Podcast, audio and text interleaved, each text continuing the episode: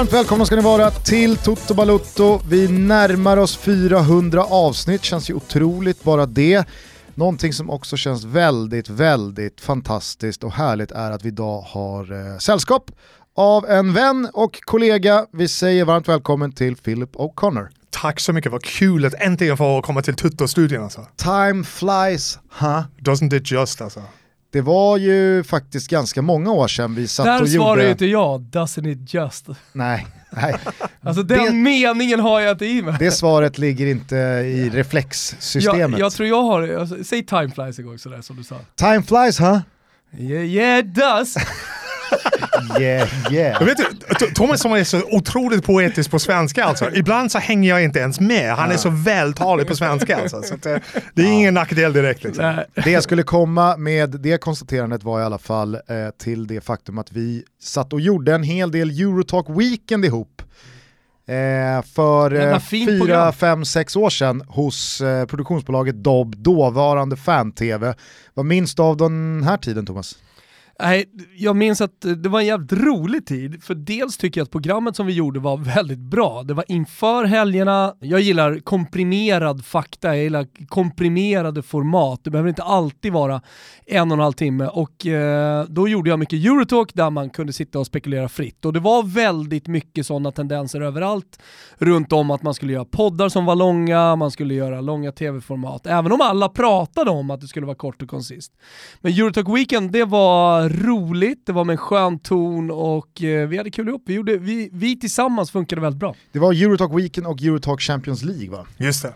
Så det var lite mer kortare, lite mer rappare, lite mer fokus på matcherna som spelas. Vad, vad kommer du ihåg från den här tiden? Alltså jag brukar referera till det i mitt eget huvud som, det, det var den tiden jag hade som roligast som sportjournalist i Sverige. Alltså det här med att träffas på en tisdag, eller torsdag eller fredag efter Champions League-matcher inför helgen och få träffa er också. För det, att sitta hemma, vi pratade lite liksom, innan vi satte oss här liksom, om hur det är att jobba själv och vara frilans. Du kan sitta på en flygplats någonstans, ett hotell, eh, fotbollsläktare, pressläktare. Men den tiden när vi fick träffa oss på en torsdag, då är det, du är på direkt. För jag kan inte komma in dit till Gusten och Thomas och inte vara förberedd och inte ha klart för mig vad det är jag ska säga. Jag, kan inte, jag måste ha på fötterna. Jag kan inte bara, ja ah, men nu ska jag lufta en tanke, utan ni skulle slakta mig direkt och tvärtom. Och den tiden tyckte jag var skitkul, just av det här, man tittar på fotboll på ett annat sätt när man vet att den nivån på diskussionen kommer efteråt. Så den tiden tyckte jag var helt fantastisk. Alltså jag gillar att gå upp och, och in till studion. En gång per år så blir jag också alltid påmind om att vi satt ihop en sån morgon, för det var då Ivan Torina Just det. eh, dog. Ja. Eh, det händer ju inte jätteofta att någonting inom svensk fotboll sker utanför en plan som man är så här, där var jag då. Ja. Men det var ju verkligen ett sånt ögonblick. Ja, jag, har ju, jag kan ju fortfarande se liksom det rummet utanför studion på Dobb när vi fick veta att Ivan hade gått bort då. För vi har ju alla vänner och kontakter i AIK, Henok Goitom spelade där då och bodde vägg i vägg med Ivan då. Och då ska vi gå in och göra ett program och jag kommer ihåg att det kändes, det var den enda gången det kändes meningslöst för oss att sitta där och prata om fotboll. För vad fan ska man säga om det här när killen har gått bort? Och sen direkt efter det så hoppade jag in i bilen och körde bort till Karlberg och började prata med spelarna. För då tar journalistrollen över igen. Du måste ju göra någonting vettigt med det här. Men jag kommer ihåg hur konstigt det kändes då att vi satt där och diskuterade fotboll. Såklart så diskuterade vi Ivan som person. Men vi försökte göra ett program och det var det, var det märkligaste jag varit med om i Men det går liksom inte att förbereda sig på, det går... Det finns liksom ingen mall för hur man ska göra i de stunderna heller. Och Men det har- tycker jag man märker nu väldigt tydligt i de här tiderna som är kristider, att det inte finns någon mall för hur saker och ting ska vara. Men ändå så finns det en förväntan från folk att man ska agera efter någon konstig eh, osynlig mall. Men håller du med mig om att det finns ytterst få saker som sker inom den svenska fotbollen som för evigt liksom etsar sig fast vad gäller var man var någonstans när det hände? Det finns så jävla många matcher och händelser rent sportsligt som man kommer ihåg, men man kommer inte ihåg var man såg det. Ja, om man inte var på plats, Exakt, såklart. om man inte var på plats såklart. Men egentligen utöver, alltså jag, kan inte, jag, kan inte, jag kan inte ta ett annat exempel på liksom jag, jag kommer inte ihåg Nej, kom var jag var när Daniel Kindberg häktades. Om det är en sån här grej som, Ja. okej det är svensk fotboll, men det är inte något sportsligt som har skett på plan. Nej, jag kommer inte ihåg. David Kindberg häktades, jag vet inte om det var så jävla historiskt. Men och vet du, var men det alltså väl ändå? Jag, kom- jag kommer ihåg att jag satt eh, hos min kusse, jiggar.nu, Björne, och kollade VM-kvartsfinalen mot Rumänien till exempel. Det minns jag. Jag kommer ihåg att vi var sura i semifinalen för att vi tyckte att Limpar skulle starta. Alltså de, den tiden minns jag väldigt väl. Alltså Thomas och jag minns det ganska klart, vi är lite äldre än vad Gugge är va? Mm. Och det, det var då, alltså, när jag träffade min fru, vi träffades i Dublin 1994. Och hon så- är svensk och Hon är, är hon är. svensk, ja. Och så exakt, det är kärleksrefugee liksom. Men eh, jag kommer ihåg att det var någon sociolog som skulle göra något examensarbete eller någonting sånt och han ville intervjua folk som var, tjejen var svensk, eh, svenska och killen var ju utlänning då. Och så han frågade henne hur vi träffades och allt det där och hon kunde datum och plats och allt det där och så gjorde hon sin intervju. Och sen så frågade han mig och sa, men kommer du ihåg hur ni träffades? Och så sa jag, ja men det var strax innan VM 94. Ja. Och så, ja, men vad minns du den tiden? Ah fan alltså, den matchen mot Rumänien alltså. Straffläge, åh! Alltså, så jag pratade bara i fotbollstermer för det var det, det var första gången jag pratade med hennes pappa var direkt efter det. Jag ringde hem till dem i Rimbo och bara fan vad gött sa jag på engelska. Han bara jag förväntar inte vad du säger. men, det var, liksom, men på det sättet så minns jag att just, men just med Turines död, den, det, det är inte bara att man minns var man var utan hur man mådde, hur man kände just då i det ögonblicket var ju helt fruktansvärt. Nej men fotbollen går ju ofta och, och liksom koppla till vissa datum som man annars hade glömt bort hur lätt som helst. Det kommer jag ihåg med eh, eh, just Irland och Dublin. Första gången jag var i Dublin, det var när Mourinho eh, tränade Real Madrid i sitt första El Clasico. Det kommer, alltså, det kommer jag alltid koppla ihop med varandra. Jag såg Mourinhos första El Clasico i Dublin. Eh, och ni kommer kanske ihåg hur det gick. Alltså han fick ju brallorna neddragna så det bara sjöng om det av eh, Pep. De använde med 5-0 va, på Camp Nou. Det var liksom sån jävla utskåpning. Hade man inte varit i Dublin då, utan bara som vilken annan helg som helst i livet, när man bara sitter och matar fotbollsmatcher hemma, Och det är helt så hade otroligt. allt man- bara grötat ihop sig. Att man åker till Dublin och kommer ihåg någonting är ändå ganska starkt va? Ja. Men jävlar vad fint det är Dublin alltså. Jag var ju där för något år sedan och, och bad dig om så här, ge mig bara en bar. Jag Livemusik, bra människor, en rolig kväll och så skickade du något eh, namn på något ställe, taxi raka vägen in, pangkväll. Var det då du träffade Alan Shearer? Eh, Robbie Keane, Robbie Keane menar Robbie Keane, ja det var den resan men det var inte på det stället. Ah, okej. Nej, jag fixade inte Robbie den gången. Nej, alltså. nej, nej, det var på ett annat ställe och sen så liksom råkade vi, eh, inom citationstecken, eh, lämna stället samtidigt och så frågade jag vart Robbie eh, skulle gå. Och han sa bara, dit du inte ska. Han var klar med dig alltså. Snäste av mig ordentligt. Och sen så fick du, fick du inte hans eh, personliga livvakt på det också för att du tog någon bild? Jo, eh, jag vet inte, alltså du kanske har mer på det här, men eh, han är från det här området strax utanför Dublin. Ta- Talla, ja. Exakt, och eh, så på en given eh, bar där så sjunger han ja. på någon open mic-kväll en gång i månaden typ. Ja. Eh, någon gammal klassisk folkvisa. Det är, aldrig någon, det är aldrig någon irländare som sjunger liksom en crowd pleaser från USA. Nej, nej, nej. Utan det är bara Whiskey in the jar eller Nej, någon i- folk. ingen Creedence där Nej men alltså liksom. såhär, Whiskey in the jar är väl den enda Ja. som liksom kan ta sig igenom nålsögat. Annars är det bara massa jävla folk songs. Mhm. Eh, och då var det Har du liksom... någon? Sitter du inne på någon? Fan, jag sitter inne på alla alltså. De ska vi dra lite senare. Det är kanske är det vi ska gå ut på sen. Har gått ut, första gången vi går ut på a cappella. Nej, men jag ska se om eh, Kim eh, i arkivet kanske kan jaga fram den där eh, ljudupptagningen från eh, baren i, i eh, vad hette stället? I one I've been walking all day. Det som föranledde eh, hans första ton var ju att eh, han hade någon jävla assistent och någon livvakt som sa det. Att, Se en enda mobilkamera här, då smäller det. Och jag kunde inte hålla mig. Och så fick han syn på mig och så small det. eh, men det var det värt. Jag har 22-23 sekunder sparade i min telefon i alla fall. Fintade upp den där irländska vakten på läktaren när jag eh, skenbart tog bort filmen från kameran. Hur som helst, eh, Philip O'Connor gästar oss. Ni hör ju redan eh, att eh, vi har att göra med en irländare som har hamnat i Sverige. Eh, det ska vi komma tillbaka till, men när vi lärde känna varandra under de här eh, fan-tv-dobb-åren så var ju du väldigt mycket, i alla fall i min värld, Reuters man i Skandinavien. Ja. Med Stockholm som utgångsbas för att det är här du bor och lever. Ja.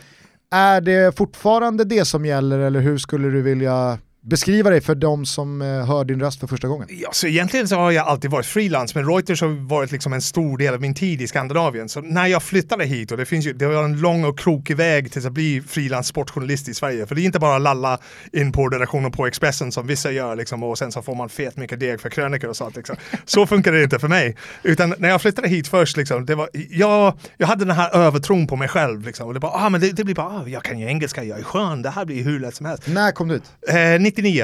Eh, 99. första veckan i juni 1999, så snart 21 år sedan jag flyttade hit. Då. Och kom du hit som journalist då? Nja, jag tyckte att jag gjorde det, men det tyckte inte andra. Så Nej, liksom- men, men det var inte så nej. att du blev journalist i Sverige utan Nej, det, mest att jag blev journalist i Sverige. Alltså, journalist på allvar blev jag i Sverige. Okej, För Irland och Sverige är ju väldigt annorlunda på det sättet liksom saker och ting görs. Liksom, här måste du ha en pappersbit, du måste ha gått i högskola, du måste ha, inte måste måste, liksom, det finns ju folk som gör det. Men det är bättre om du har, eh, det är lättare att komma in om du har alla de här grejerna. På Irland är det bara Pah! Det funkar. Kan du skriva? Ja, men kör bara. Liksom. Så då hade jag skrivit en massa för lokala tidningar, för fanzines. Online fanns ju inte riktigt den tiden. Liksom. Men jag hade tagit mig in i branschen. Jag jobbade väldigt mycket med musik där också. Och de två överlappar. Mediebranschen och musikbranschen överlappade väldigt mycket. Jobbade du i det ena så var du också med, med en fot i det andra. En kille som heter Steven Doyle som är en av de bästa referenter i radio. Han är ju också musikjournalist där borta. Så det är på det sättet funkar. Och så tror man, men vad fan, jag åker till Sverige så funkar det här. Skojar du eller? Det går ju inte att komma in någonstans. Sen kunde jag inte språket heller. Jag kunde ingenting. Så tänkte jag, aha, det här kommer att bli lite svårare. Men jag gav inte upp hopp liksom, utan jag började lära mig svenska och så kom jag in lite och sen jag tänkte fan, jag, om jag ska skaffa mig ett jobb så måste jag skaffa mig ett jobb på engelska till att börja med. Alltså jag klarar inte mig att jobba på svenska.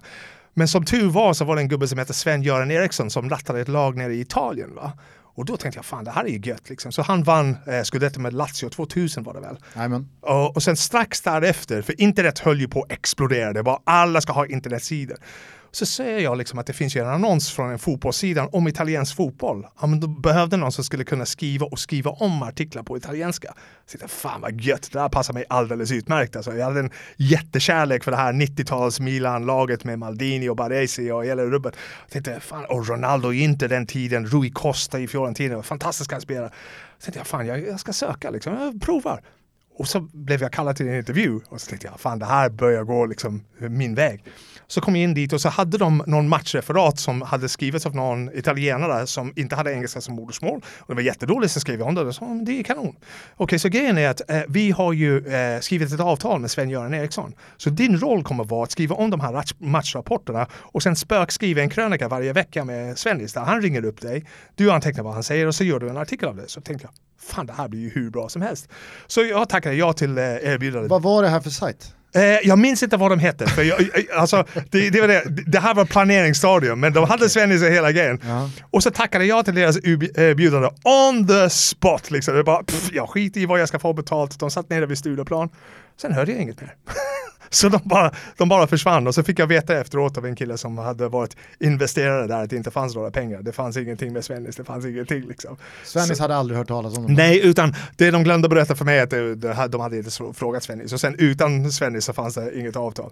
Så då var det ruta ett igen och så gick jag tillbaka till skolan. Men sen kom jag in som praktikant på Reuters 2002. Jag gjorde någon IT-kurs och sen så kom jag in dit. Och s- Är det fel av mig att likställa Reuters vid liksom typ Storbritanniens TT? Ja, nej, inte fel av dig, men eh, jag skulle säga det är världens största nyhetsbyrå. Och den grundades eh, mest för att tjäna liksom, the London Stock Exchange. Så um, information is power, alltså information har ju, liksom den tiden på 1800-talet, det var priser på olika grejer och de skickade brev, duvor hit och dit. Och det var därifrån han började. Liksom. Det brukar snackas om, var det mordet på Abraham Lincoln som var Reuters först i världen med den nyheten tre dagar efter det skedde. Liksom. Så de hade ju liksom växlat upp Krama hem brevduvan bara. Lincoln har dött. Oh, Ja, fan! Men eh, d- han hade liksom etablerat, Baron Julius Reuter hade etablerat ett varumärke på det här med att liksom aktiekurser, eh, inte aktiekurser utan eh, kurser på olika saker, ting, commodities. Och sen så gav han sig in i nyhetsbranschen.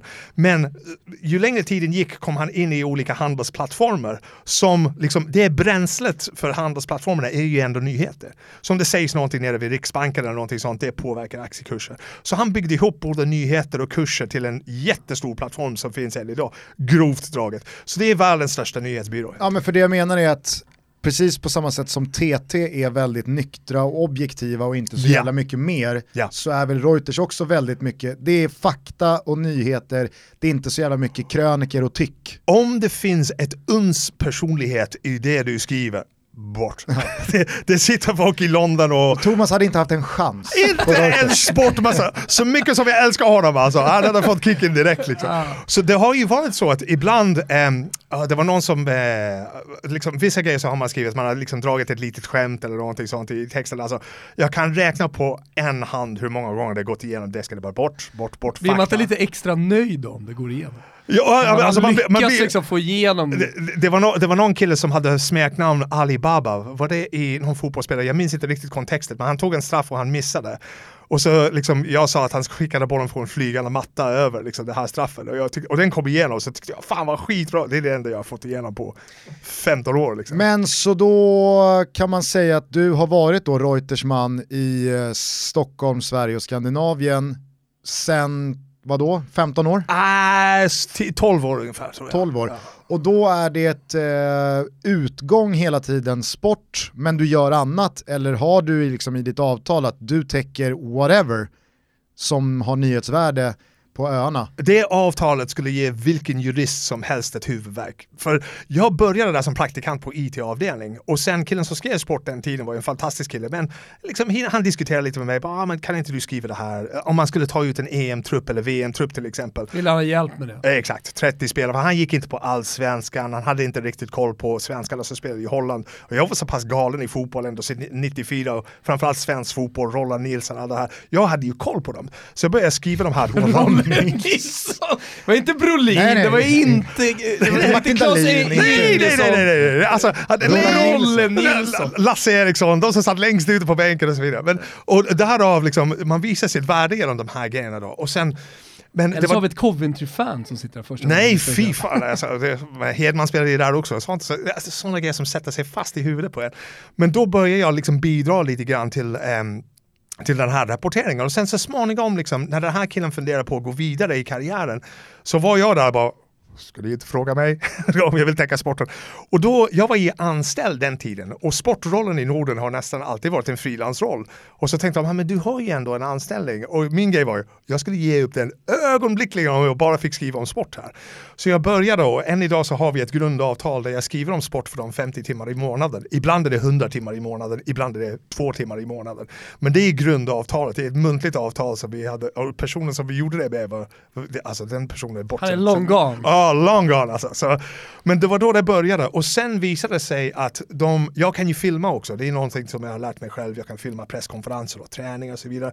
Så då började jag komma in på tv-avdelning och sen var det, ja men vi behöver lite förstärkning, när det är val i Sverige så måste vi gå på valvaka hit och dit och allt det där. Och för någon anledning så skickar de alltid mig till SDs valvaka. Så jag får åka dit till Sverigedemokraterna, jag vet inte varför. Och de är alltid jättetrevliga och det, men man går runt och intervjuar folk så, så grundavtalet Men det fanns andra Reuters-reportrar Ja. som filmade på andra presskonferenser. Alltså Socialdemokraternas, Moderaternas. Jajamän. Men du åkte på SD. Alltid. Eller var det så bara att Irland som land bara ville ha information eh, från, eh, från SD? Från, från, SD nej, nej, nej, de, de täckte alla. Nej, Utan, nej. Eftersom jag kom in sist så kom vi ner lite. Den, liksom, den tiden var de inte lika poppis som de är nu. Det vore kul om du bytte Twitter-bio till eh, Reuters man på SDs valvakor. Nästa valet så kommer jag göra det där alltså.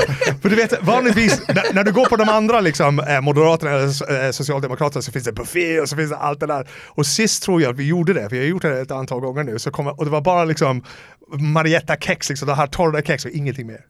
Inte ens ett glas vatten, så SD bara ah fuck you media. Så, Men det har ju varit eh, såklart, eh, precis eh, som för alla andra, även för dig, en konstig vår. Det har varit mycket mer då om Sveriges roll i coronapandemin, så, så det har varit det du har gjort den här våren. Men ett normalt år, sätt någon procentsats på liksom sport kontra annat. Är det 80% sport och 20%? Det, det är 80% sport. Ja. Och det är självvalt också. För liksom, när jag inte jobbar med sport för Reuters så jobbar jag med sport för andra. Så det kan vara Irish Times, det kan vara RTE, det kan vara BBC, det kan vara vem som helst.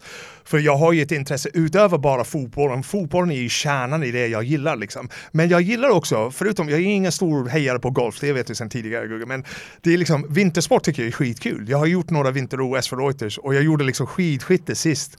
Och fan vad roligt det var att vara i Sydkorea och framförallt med hur det gick för Sverige. Men sen längdskidor också, hur det gick för norrmännen där. Så liksom jag är allmänt sportintresserad. Men när Ja. du pratar om Reuters, alltså Ja. dina, eh, dina alster kan man läsa i, var, var, var dyker de upp liksom? Var, var läser man Philip O'Connors rapport från skidskytte-OS? Överallt. Så det, om du inte skickar någon till vinter-OS, då tar det alltid liksom tävlingsrapporten kommer från Reuters eller AFP, vilket är det franska motsvarande, eller Associated Press då. Så det dyker ju upp överallt. Jag brukar säga att jag är liksom bland Sveriges mest lästa sportjournalister. Inte, på, inte för att jag är känd på något sätt, utan det kommer ut fan i mig överallt alltså. South China Morning men jag vet Post. ju hur Expressen funkar, vi plockar ju grejer från TT Ja. framförallt, men det kan vara Reuters också. Men, men TT plockar ju också, också från Reuters och översätter det till svenska och så lägger de ut det då. Så liksom, det är otroligt stort. Jag pratade med en tjej som heter Liam Court och hon är med i Bellator som är liksom, UFC är ju Premier League, liksom, det är Champions League, Bellator är typ the conference men det funkar ändå. Liksom. Och så frågade jag henne, alltså hon är en tjej som är eh, irländska, med i det här MMA-svängen, så sa jag, ska vi inte göra en intervju? Så okej. Och så intervjun dök ju upp i New York Times och hon bara, okej, jag visste inte att det här hände. Så väldigt, det är väldigt få som förstår sig på bredden. Alltså alla i Sverige förstår bredden på TT. De är ju överallt och kommer ut överallt. Men Reuters är ju sjukt stort liksom. Jag ser ju ibland, vi gjorde en grej när vi hade gamla goda Kista Galaxy-tider, så hade vi en lagkväll en kväll på Kvarnbacka i Husby. Och det var jag och Henok Goitom som spelade i AIK och Bojan Georgic som finns överallt och Viasat och före detta Manchester United. Jag tror inte du behöver precisera Bojan. Ja, men, men, det kan vara någon där ute som inte, som inte vet vad det är. Jag gör det bara för att visa honom kärlek här. Men vi gjorde en grej med grabbarna. Eh, och det var inte jag som kom på det här heller. Han sa om vi googlar Filip Bojan och Henok, vem har flest träffar på Google? Och det var jag. Bara för att jag har skrivit, jag vet inte hur många tiotusentals artiklar. Och alla sa ju Bojan för han har spelat i Manchester United så man tänker på det sättet. Så det är ju, deras bredd är ju helt otroligt. Liksom, för, och det är ju kul. Vi är denna vecka sponsrade av våra vänner på A Day's March. Jajamensan, och då vet ni vad det handlar om. Det är kläder av högsta kvalitet för riktigt bra priser. Och varför är det så bra priser? Jo, det är för att de inte använder sig av några återförsäljare eller mellanhänder så man kan köpa deras riktigt, riktigt fina och kvalitativa plagg för en betydligt billigare peng än vad, det, vad jag skulle säga borde kosta. Dessutom så måste jag säga att jag väger ju in i det prisvärda att A Day's March grejer, de är så här tidlöst snygga. Ah, ja. Jag tittar på min overshirt, eller jag tittar på mina byxor eller mina skor och så tänker jag, ja det där kommer ju inte anses vara fult om ett halvår, eller om ett år, eller om två år. Nej, men det är så, du köper kläder som kan leva i garderoben under en hel livstid. Dels på grund av kvaliteten på grejerna, men också såklart eh, på grund av eh, den tidlösa, okomplicerade designen. Jag misstänker att generositeten flödar från A Day's March här i Toto. Skojar du eller? 15% rabatt gäller både i butik och online. Koden är kort och gott TOTO.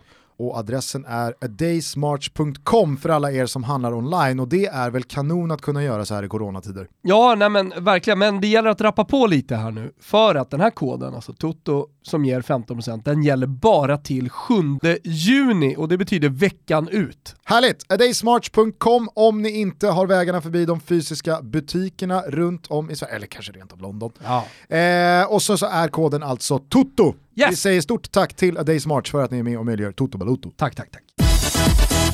Eh, Okej, då tror jag att vi har eh, etablerat eh, och vem han är i sin roll eh, tillräckligt för att vi ska kunna sparka igång en faktaruta. Fan. Eh, och då har man plockat lite, lite frågor härifrån och lite frågor därifrån beroende på vad vi har haft för olika typer av gäster. Vi ska återkomma till det här med Kista Galaxy och så vidare. Jag tänkte att vi faktiskt skulle prata en del Ja, men just eh, svensk fotbolls eh, både framtid eh, ur positiva aspekter men också segregationsproblem och så vidare. Du har ju en jävla bottenidé.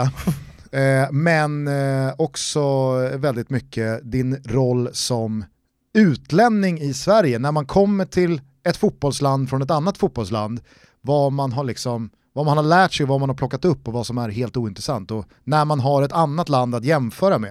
Eh, men vi hamnar där, eh, vad det lider. Vi drar igång faktarutan med fullständigt namn. Philip John O'Connor. Hur, på en skala 1-10, irländskt är namnet Philip O'Connor? Philip är inte särskilt, John inte särskilt, alltså egentligen Philip John O'Connor är ju en anglicisering, alltså det är den engelska versionen av mitt namn. Egentligen så heter jag Philip O'Crour på gaeliska. Men, men det, är- det är Nej, Vad ingen... heter du sa du? Pillabo Cruhor heter jag på engelska. Thomas, Thomas mår ju bra det där. Så, Jag älskar att du heter P- Pilip... P- Pillabo Cruhor. Pille på Pilip Crawford. Crur. Ja. Men grejen är, liksom, eftersom Irland styrdes av britterna i 800 år så har de bytt i princip allting från det gamla gaeliska till det irländska. Men eh, det är inte så lätt liksom. Vi har ju vissa gaeliska namn. Om du tar eh, skådespelaren Saoirse Ronan till exempel. Och fan alltså vad den där ungen hon lider när hon går igenom en flygplats. Bara, vad, vad heter Och min egen dotter heter ju så också i, hon heter Ingrid Saoirse O'Connor. Och hennes tilltalsnamn är ju Saoirse, vilket funkar sådär i högstadiet i Sverige. Alltså, så folk eh, pallar inte med det. Så att, eh, Ja, men det, det har jag faktiskt tänkt på många gånger, framförallt i fotbollsmässiga sammanhang, att just irländskan har ju ett par förnamn ja. Som man testar tre, kanske fyra olika uttal på och inget känns rätt. Nej. Alltså det är, ja men typ, eh, alltså, nu kommer det ju låta fel för det går inte att säga rätt. Men ytterbacken Coleman då, i Everton, eh, Ja. landslaget, Seamus ja. Seamus. Ja. Klockrent. Jo, fast det är ju inte, det är, det är inte första eller andra eller tredje tanken när man ser E Nej, nej. S-E-A-M-U-S. Nej. Eh, utan då har man ju varit på liksom Siemens. si, Seamus, Seamus, ja. eh, eller vad det nu kan vara. Och du vet, irländare blir så jävla kaxiga när folk uttalar It's fucking Seamus! Liksom. De, blir, de blir väldigt arga när man inte får till det på en gång, vilket jag inte tycker är okej. liksom. Men O'Connor är väl liksom O'Connor så är- irländskt det kan bli. Ja, Irlands eh, sista konung heter ju O'Connor, Rory the Red King, Rory. Eh, så, liksom, så det är ju det är riktigt irländskt, det kan man väl säga. Är det O innan Connor? Är det... Och, och apostrof, vilket inte funkar i Sverige. Apostrofen den försvinner direkt. Exakt. Sen får jag ett E, det blir O-C-O-N-N-E-R, alltid i Sverige. Alltså, jag vet inte varför, Mm. men O-R finns ju aldrig. Men O betyder av, det betyder av en viss klan eller en viss plats. Mac betyder son till, så det är lite som Andersson. Fon. Eh, Thon, Fon. vilken? Connor. På tyska. Ah, ja, just det, exakt. Ja, det blir samma. Af. Ja. Kan det Ja, också bli. Mm. Blir ju också där, för liksom, de har ju samma rot hela rubbet. Jag, jag, vill Von bara, König skulle han kanske heta i Tyskland. jag vill bara landa i ett till sånt där namn. Alltså, eh, nothing compares to you. Sinead ja. Sinead, ja. där har man också kört ett par olika.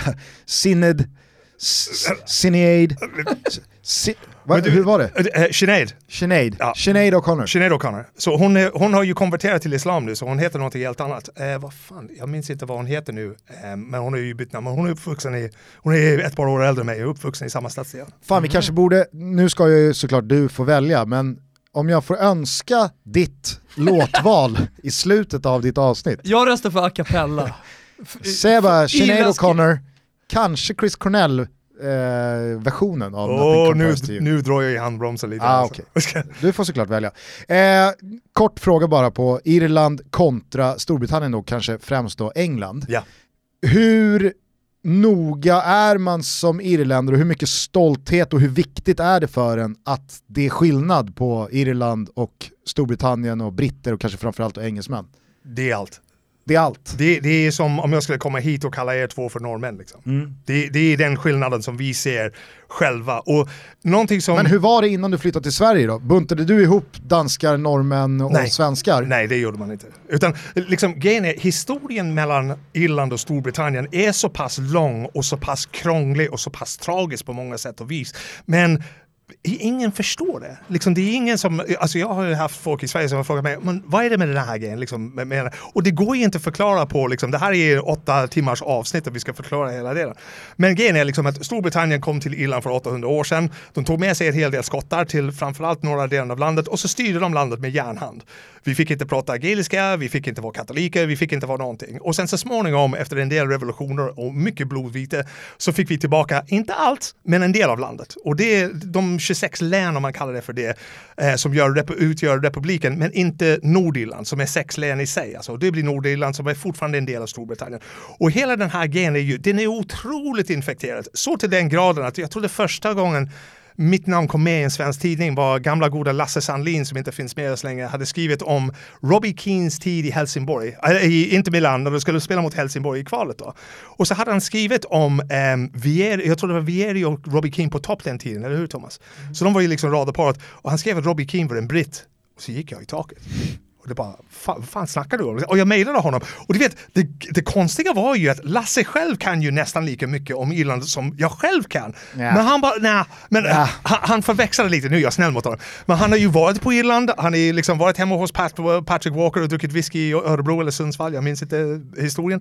Men han kunde jättemycket, men han bara, nej det var bara lat av mig alltså, att jag inte tänkte igenom. Ignorant lite grann. Lite grann liksom. lathet. Och du vet, jag är inte den som kommer och, och liksom står och stampar och ni ska kunna allt det här. Nej, ni ska inte kunna allt det här. Men folk ska lyssna gärna när folk som mig och andra berättar om det. För jag tror det är viktigt för vi som har kommit till Sverige också att inte bara att vi har en förståelse för det landet vi, vi bor och lever i, utan att ni förstår lite grann varifrån vi kommer.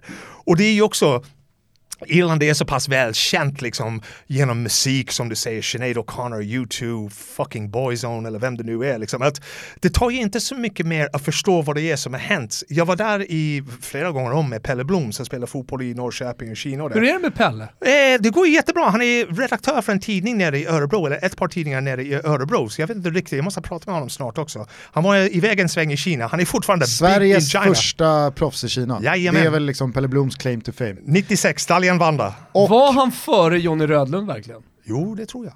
App, app, det är, app. det är ett sjukt epitet han har levt med i 25 år om han inte var först. Jag, jag ställer bara fråga, jag vet att Johnny Rödlund var där, men jag kommer inte ihåg exakt när. fick hutlöst betalt även för den tiden. Vann ligan, kom hem.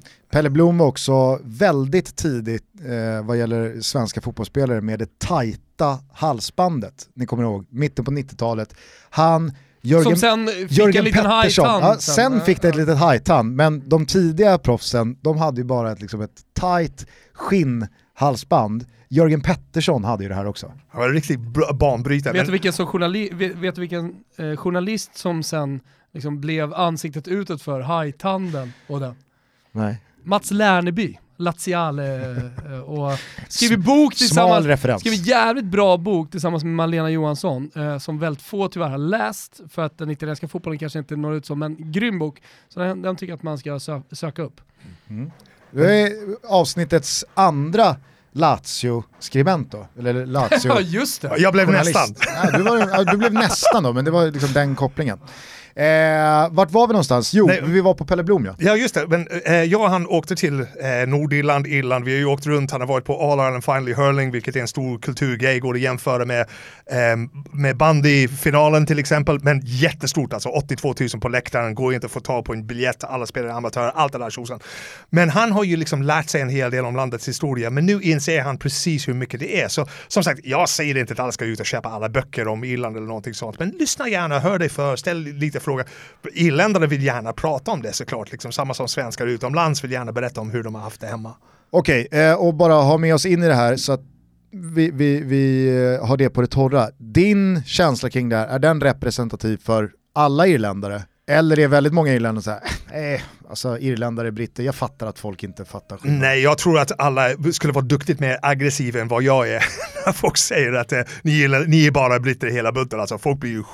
Om du gör det på semester, alltså, testa på en irländsk pub på semester så får du veta. Hur är er relation med skottarna?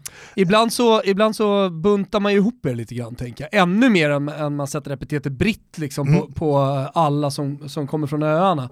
Men, men liksom whisky och det, det är öl. Englandshat. Och liksom, så här, det blir lite, det blir en känsla, det, det, ni ni är lite lika varandra. Vi, alltså, de, är ju också, de är ju också kelter som folkslag. Golfen. Alltså. Ja, golfen, whisky, liksom fint landskap, Exakt. hela den biten. Fast de de undantagna från det är folk som hejar på Rangers, alltså, för de vill man inte ha att göra med. Så, eh, Men också tänker jag det jag nämnde där, alltså Englandshatet, alltså att man kanske förenas lite i att man inte gillar England. Framförallt då. För liksom, men sen, Skottland är ju lite uppdelad också. Och det här har ju med sekterianism, med religion att göra med kat- katoliker och protestanter. För liksom när eh, Henry VIII... Rangers Celtic. Exakt, exakt, hela den biten. Och den är så jävla infekterad, alltså det är inte ens roligt längre. Men det, det är det här, det är nästan, för irländare, det är inte ett hat gentemot England eller Storbritannien, det är mer en frakt alltså. Vi, vi gillar inte dem för det de har gjort liksom. Det är en jättefördel för mig att kunna resa jorden runt och prata engelska. Men historiskt sett så vill man inte det liksom. När möttes England och Irland senast i fotboll? Det det är inte så länge sedan, det var någon eh, träningsmatch. Men om vi tittar tillbaka i tiden, var det 93 vi hade en landskamp hemma på Lansdowne Road. Eh, och då gjorde David Kelly mål efter typ 20 minuter. Men matchen fick avbrytas eftersom eh, grabbarna från Combat 18, alltså de här engelska fotbollshuliganerna, demolerade hela stadion. Och så till slut så fick de utrymme i hela stadion så gick polisen in med batonger och slog sönder alla de här engelska huliganerna. Men sen efter det, det var ju, alltså vi vann ju mot dem EM eh, 1988 var första gången Irland kvalificerade sig för en stor alltså, final eller mästerskap då. Och då vann vi med 1-0. Eh, Ray Houghton put the ball in the English net. Det är liksom det mest framgångsrika, eller det bästa som finns. Och Sen var det folkfest. Alltså du anar inte. Jag jobbade var på... det folkvisor i a cappella på gatorna. I flera veckor alltså. Ja. Det, jag jobbade på en pizzarestaurang som diskade den tiden och jag lyssnade på matchen på radion alltså. Men sen, eh, alltså, ju längre matchen gick det bara skit i det, skit i pizza, bara gå ut på gatan alltså. Och så hörde man alla tv-apparater i det här kvarteret mitt i stan då. Och sen så gick man inte, jag tror inte jag någon gång gick tillbaka till det jobbet alltså. Festen drog igång. Men om England och Irland hade lottats mot varandra i ett mästerskap nu, hade det varit en högriskmatch då eller hade det varit liksom good times all around och ändå fest liksom? Förlåt, eftersom vi gillar Seinfeld så tänker jag att Philip, han har fortfarande jobbet kvar. Så nästa gång du gillar så knallar du bara in och ställer i disken och så bara, 30 "Men år senare. Tja, jag är Det, tillbaka. det står Philip på en liten tejpbit på hans skåp. Säg, eh, eh, vad var det, det, det Craven sa? Strejken är över, någon slags strejk som var det. Du säger bara festen är över efter, Jävla bra match det där, efter va? 88, 1-0. Nej, men det, för våran del så skulle det inte vara någon högriskmatch. Irland har ju inte ett problem med huliganer, det är faktiskt tvärtom. När vi åker bort, vi är så jävla trevliga mot alla. Liksom. Eh, EM 2016, du, ni kommer ju ihåg hur fint vi hade det, svenskar och irländare emellan. Men irländare går runt och plockar skräp på gatan och liksom, och till och med de sjöng visor för barn i barnvagnar i Montmartre och allt det här. Så liksom, vi är ju åt andra hållet, därför att vi vill skilja oss åt från dem. Men man ska inte heller säga att liksom, huliganer är representativt för den engelska fotbollskulturen heller. Nej, nej. De är ju några hundra, jag har ju sprungit runt med dem i Frankrike och olika... Fan eh, vad varm jag blir för att jag har faktiskt sett eh, irländska supportrar sjunga visor för, för franska barn i Montmartre. ja. Så jag kan, liksom, jag kan bekräfta den. Ser man på alltså, så det är inte bara... Otroligt bara. Irland, irländarna, irländarna, alltså den Pre-game, vi brukar prata om pre-game i Toto Balotto och vi brukar nämna Leeds och allt möjligt. Vi var på The Chelsea Pensioner, min plånbok eh, försvann där. Den är fortfarande på vift runt om i, i Europa. Jag, tror, runt. jag har fortfarande inte beställt ett nytt körkort, jag tänker den kommer, jag, jag, jag litar på att den är på väg. Hur som helst, pre-game, alltså det pre-gamet inför, det började ju såklart flera dagar innan, men Jajamän. framförallt kvällen innan och natten innan eh, med svenska supportrar och irländska supportrar tillsammans, det, det slår nog fan allt. Ja, jag det, det var, Det det var var, otroligt. häftigt alltså. Nej, men, och jag håller ju med det du säger både kring att irländarna inte är liksom huliganer och bråkmakare, inte heller engelsmännen numera, det tycker jag inte är en rättvis bedömning. Men det kan ju alltid hända saker när supportrar till två lag som har en historia där man inte tycker om varandra, då blir det något annat. Mm. Det enda jag kan säga är 88 och 1990 så vi spelade mot varandra, det blev 1-1 i Calgary tror jag. Det var Kevin Sheedy som gjorde mål, Gary Lineker gjorde mål för eh, Eh, England och sen Kevin Sheedy eh, jämnade ut matchen och så blev det 1-1. Men då var det aldrig något problem. Men då i Italien också så skiljs man åt rätt bra och i Tyskland också. Men jag tror inte det. Nej, jag tror att nu har vi kommit förbi det. För den tiden också, alltså slutet på 80, början på 90-talet var en jävla tid i Irland, Nordirland. IRA var härjade i, on the mainland, alltså i Warrington, i brittiska städer och smällde av bomber och allt det där. Då kom folk inte överens. Ändå var det inte så mycket bråk liksom. Så jag kan tänka mig att det skulle sjungas för fullt hals med ganska fula grejer i 90 minuter. Men nej, något bråk, jag, jag hoppas att det inte skulle ske. Men varför tror du att det är så då? I och med att eh, huliganismen, våldet kring fotbollen har ju kommit in i stort sett alla länder med en stark fotbollskultur, eller där fotbollen har varit den största sporten, men, i, men inte på Irland. Hur, var, varför tror du att det är så? Jag tror helt enkelt inte att vi har den där starka kulturen i samma skala eller till samma grad som man har i Storbritannien, Tyskland, Sverige för all del. Liksom. På, på Irland, alla gillar sport nästan. Liksom. Om du inte gillar sport så har du ingenting att prata om på fikarasten eller ute på gården. Du har ju ingenting att prata om. Det är det enda folk gör. Men det finns ju väldigt många sporter att välja ifrån. Här i början, så, när jag flyttade hit, så var det fotboll fotboll och hockey var det enda folk pratade om. Och egentligen så är det så att de allra flesta är intresserade. Och sen längdskidor på vintern. Men där borta, det är gaelisk fotboll som är som en blandning av vanlig fotboll och, och handboll ska man säga då. Det är hurling som är nästan som landbandy, men det där är det mest spännande som finns. Det är rugby. Irland är otroligt duktiga på, på rugby, alltså otroligt duktiga på att liksom, misslyckas kapitalt i VM, men för det mesta så är de där topp tre, topp fyra i världen. Så fotbollen har ju varit, den kommit på en liksom, tredje eller fjärde plats. Man har alltid haft bra spel spelare. Men Det har väl alltid varit mycket fighting också Jo, tyvärr så är det liksom, man fick lita på, det, det är konstigt alltså för vi gillar lirare, vi gillar små killar som kan passa bollen, men för att nå framgång så var det faktiskt stora, starka, långa bollar på Bengt typ, eller Bengt O'Connor kanske han hette den tiden. Så det var ju den taktiken som funkade under Jack Charlton. Så under min uppväxt, det var otroligt otroligt otacksamt att vara fotbollsälskare. Vi hade Liam Brady, vilken jävla vänsterfot. David O'Leary, mittbacken i Arsenal, alltså så otroligt passningssäker. Vilken, de kom ju aldrig någon vart. Sen kom Jack Charlton in som hade vunnit VM med England 66. Så det här är ju liksom Englands hat kontra förakt och allt det där. Men han kom in och bara, grabbar, vi, vi kommer att skicka långt alltså. Vi hämtar in lite eh, irländare som är födda och uppvuxna i England eller som har mor eller farföräldrar där. John Aldridge, Ray Houghton, Andy Townsend, de här spelarna. Och helt plötsligt så blev vi ett framgångsrikt lag. Och då var det bara, ah, okej, vi som älskar fo- alltså fotboll, det, det spelet som spelas Alltså, det du säger är att ir, irländsk fotboll, det är en teknisk fotboll. Ja, ja.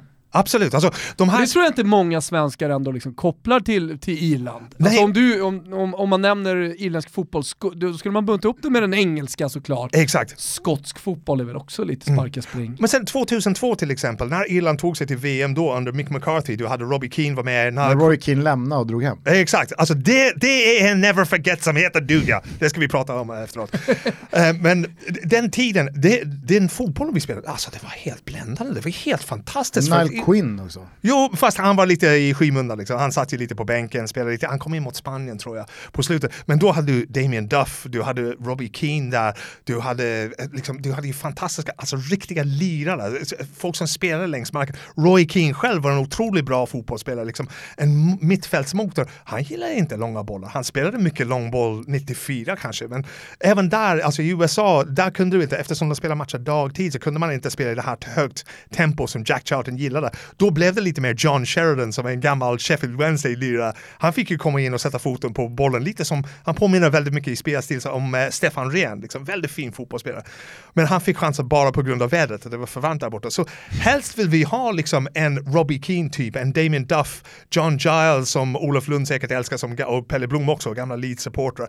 Han var ju en eh, ganska liten men fantastiska passningsspelare. Don Givens som spelade mycket i Schweiz, alltså en fantastisk målgörare. Har ni inte ett par i Celtic eh, just nu? Någon Ehm. ung talang, eller blandar jag ihop det med någon skotsk ung talang? Jag bara fick för mig att han var irländare. Det Så finns ju... slaktade AIK, eh, nummer 19. Ja, nej, han var skotsk tror jag. Han var kanske Ja, skotte. men Ja. det finns ju alltid, Celtic är alltid en sån klubb där det finns två eller tre irländare som är med i ungdomstruppen. Jag spelar faktiskt med en kille som heter Anthony Lynch eh, som hamnade i, i Skottland och han var ju en sån liten kvick kantspringare. Han var så typiskt irländare i Celtic som det bara kunde vara. Liksom. Så de, vi är ju, jag brukar liksom skilja det på att vi har ju ingenstans att spela på Irland. Så jag är ju uppvuxen i Dublin, alltså några, vad, vad kan det vara, två, tre kilometer från O'Connell Street. Eh, vi har ju inga, det finns ju inga gröna ytor, trots att det är det gröna ön, det finns ju inga, det är bara betong överallt. Så när vi spelar fotboll så spelar vi fotboll på gatan mitt bland parhus och liksom radhus som är där. Då kan du inte spela långa bollar. Då kan du inte ha bollen i luften överhuvudtaget. För du går strax liksom direkt in genom Mrs Murphys fucking window. Så, Alltså, jag vet inte hur mycket långbollar han är och den här liksom, jag vet inte, dödgräva-fotbollen, men det är inte heller speciellt tekniskt, men liksom den irländska spelaren jag tänker på när jag tänker på så här, vad är irländsk fotboll för mig? Vem personifierar Irland? Så är det lite mer åt James McLean-hållet. Ja. Alltså en sån här, köttare liksom. ja en, en, en Snabb. en riktig jävla dåre som skulle kasta sig, för, kasta sig med huvudet före om så livet Ja. var, var insatsen för att liksom rädda en boll med pannan eh, vid, vid stolproten. Ja. Och så är det liksom så här, han är bättre fysiskt än vad han är tekniskt, Ja. men det är heller ingen liksom som bara kan sparka och skicka långt, utan det är mer inställning och karaktär än vad det är någonting annat. Men vi tar en spelare från samma generation som tycker jag är ännu bättre liksom personifierar det här. Glenn Whelan. Kommer ni ihåg Glenn Whelan? Ja, Som Stokes, eh, Exakt. Glenn Whelan. Kallades inte han nå- någonting så, som, så, det var väl lite så ironiskt att han var någon Xavi va? Alltså det roliga var, han började som tia i Manchester City. Det här var en playmaker of rang liksom. När han kom från Dublin, det här var en kille som kunde passa genom nålsögat alltså. Nej, nej, nej, nej, så där ska inte du hålla på. Kom tillbaka nu, ställ dig där framför mittbackarna och så tjongar du ut av bara helvete. Så han blev... Så sätter du dobbarna i någons lår, Precis! tar ett gult kort och spottar och går därifrån. Sen så tar du döda och så går du och duschar liksom. Men, men annars kanske han inte hade haft karriär på samma sätt. Mm. Nej men han hade nog inte haft det. Och det är det som är grejen. Det är väldigt många, James McLean likadan, när han spelade i League of Ireland, han spelade i Derry City innan han kom, han kom till eh, Storbritannien då. Och då var han liksom en kantspelare, otroligt inte tekniskt liksom, men han kunde liksom trixa lite, peta bollen förbi och sen göra ett inlägg. Keith Gillespie som spelar i Manchester United Newcastle, han var ju också en sån. Keith förblev den spelaren när han kom till Manchester United och sedan Newcastle också.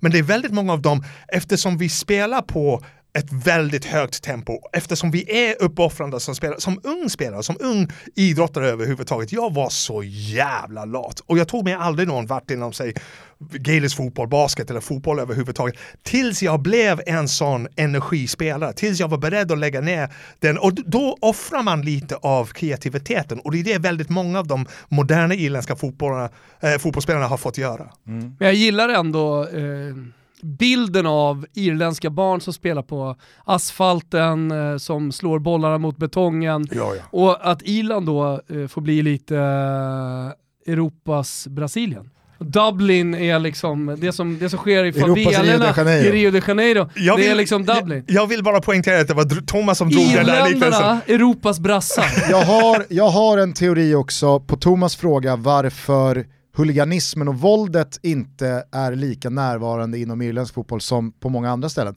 Kan det ha att göra med att Irland är för jävla dåliga?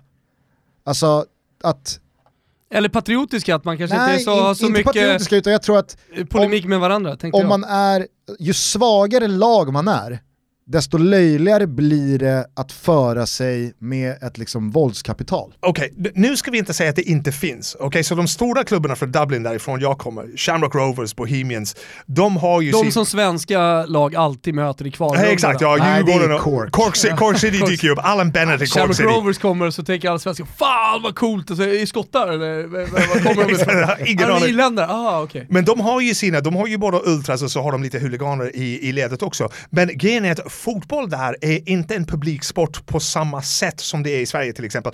Eftersom nu spelar man, förr i tiden när jag växte upp så spelade man höstvår där, vilket är helt otroligt för det regnar bara hela tiden. Det är ingen kul att se på en match där någon gång. Nu spelar man sommarfotboll, nu är det lite bättre publiksiffror, men det är så mycket konkurrens från så mycket annat. Och sen, vi har ju alltid levt i skuggan av Storbritannien, så alla jag känner hejar på Manchester United, de hejar på Liverpool. Det tar ju en 50 minuter att åka dit. Men förr i tiden så tog man båten över på samma sätt som svenskar kanske tar båten från Stockholm till Helsingfors. Och då gör vi det, så såg vi på en fotbollsmatch så kom vi hem. Peter Sheridan som är väldigt välkänt um, playwright, alltså han skriver pjäser och sånt. Hans bror heter Jim Sheridan, är filmregissör, In the name of the father, alla de här grejerna.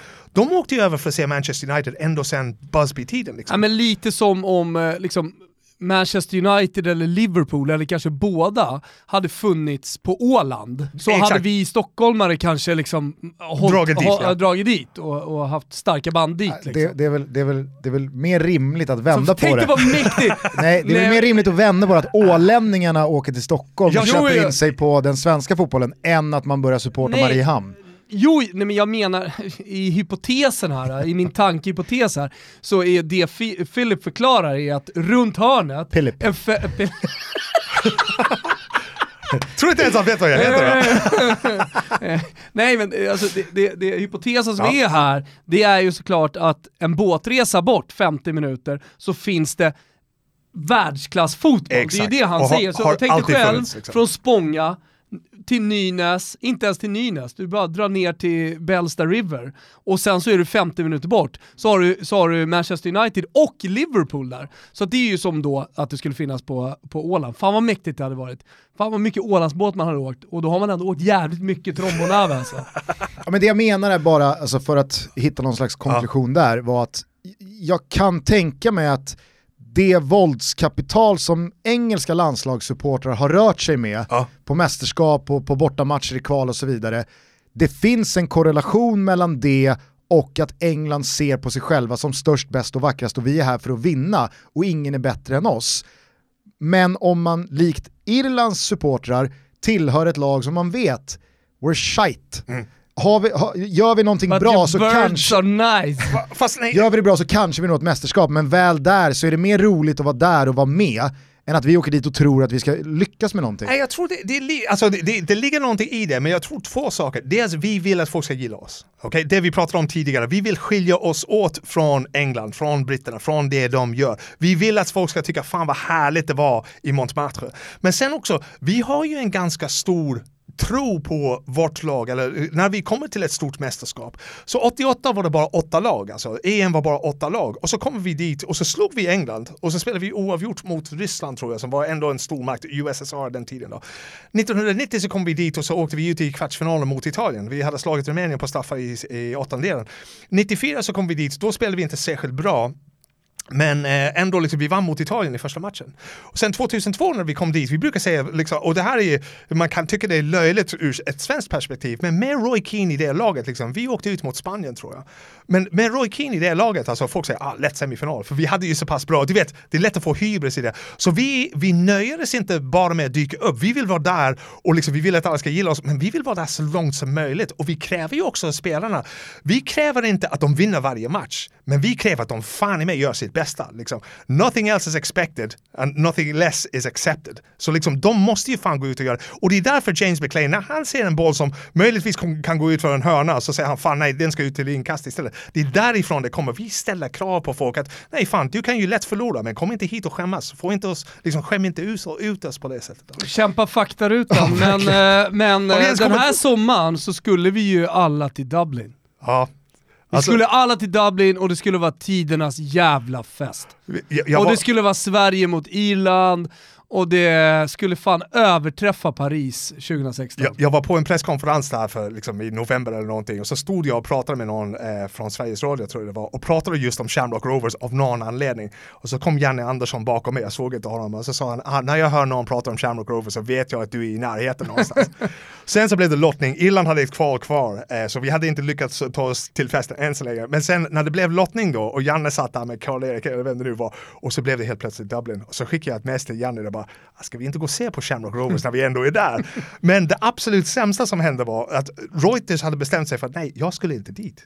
Jag skulle vara i Köpenhamn med Finland och Danmark. Såklart, du är ju, du är ju för fan Reuters man i Skandinavien. Exakt, men- du ska Filip, inte vi komma har hem. täckning i Vi Dublin, vill det inte ha lugnt. dig här. Så här nära bara säga upp mig och bara, nej, det, där, det hade inte gått att visa. Och vi hade börjat diskutera, men kan jag åka dit matchdagar om det inte är några matcher? Och du vet matchday minus one och allt det här. Så det var ju, nej det var ju Matchday minus one. Nu får vi väl se i- ifall eh, liksom spelschemat och alla spelplatser står fast om ett år, men jag tror att för de svenska supportrar som hade varit på plats eh, i Dublin, eller de som kommer vara på plats om ett år, det kommer ju överträffa allt annat hittills. Alltså svenskar med den kulturen, ölmässigt, musikmässigt, hur Dublin med Tempelbar-området och Connell Street och så som det ser ut, alltså det hade ju varit jordens jävla party. Inte bara det, utan jag personligen garanterar det för de svenska fansen som åker dit. Alltså, även om jag inte skulle vara med själv så hade jag planer på att åka dit, göra tv-reportage, åk hit, se det här, kolla på det här, äta här, gör alla de här grejerna så att folk fick liksom värsta upplägget för sig. Och jag vet att när jag pratade, jag pratade faktiskt med Nile Quinn för ett tag sedan och de var bara, ah, fan att inte svenskarna kommer hit för de tyckte det skulle vara jättebra för ni spenderar Festen är pengar. bara uppskjuten. Jo exakt, och det är det, han sa precis samma sak. Det är bara, vi tar det nästa år istället så ska vi göra en massa Eh, grejer. det är en liten invit från mig då. Jag har tillsammans med Taylor Events hyrt ett ställe för tusen pers där vi skulle fira midsommar. Så om det är så att du kommer ifrån så är du varmt välkommen till min, till min midsommarfest i Tempelbarområdet på någon, någon slags bar. Jag kommer inte vara nykter. Då, om du vill höra mig sjunga, då är det där. Bjud in Robbie Keane också. Ja. Hälsa från mig. Så här post Elitloppet så är det dags att att eh, vinka av Travtoto för den här gången? Ja, vi gör det och det har varit jävligt trevligt. Eh, framförallt så har vi varit väldigt framgångsrika. Vi, vi har sett till att folk har fått lite mer pengar på fickan, ni som har ryggat oss. Men vet du vad det är nu Gustav? Vet du vad det är som händer nu? Jo, det är comeback för Toto-trippen!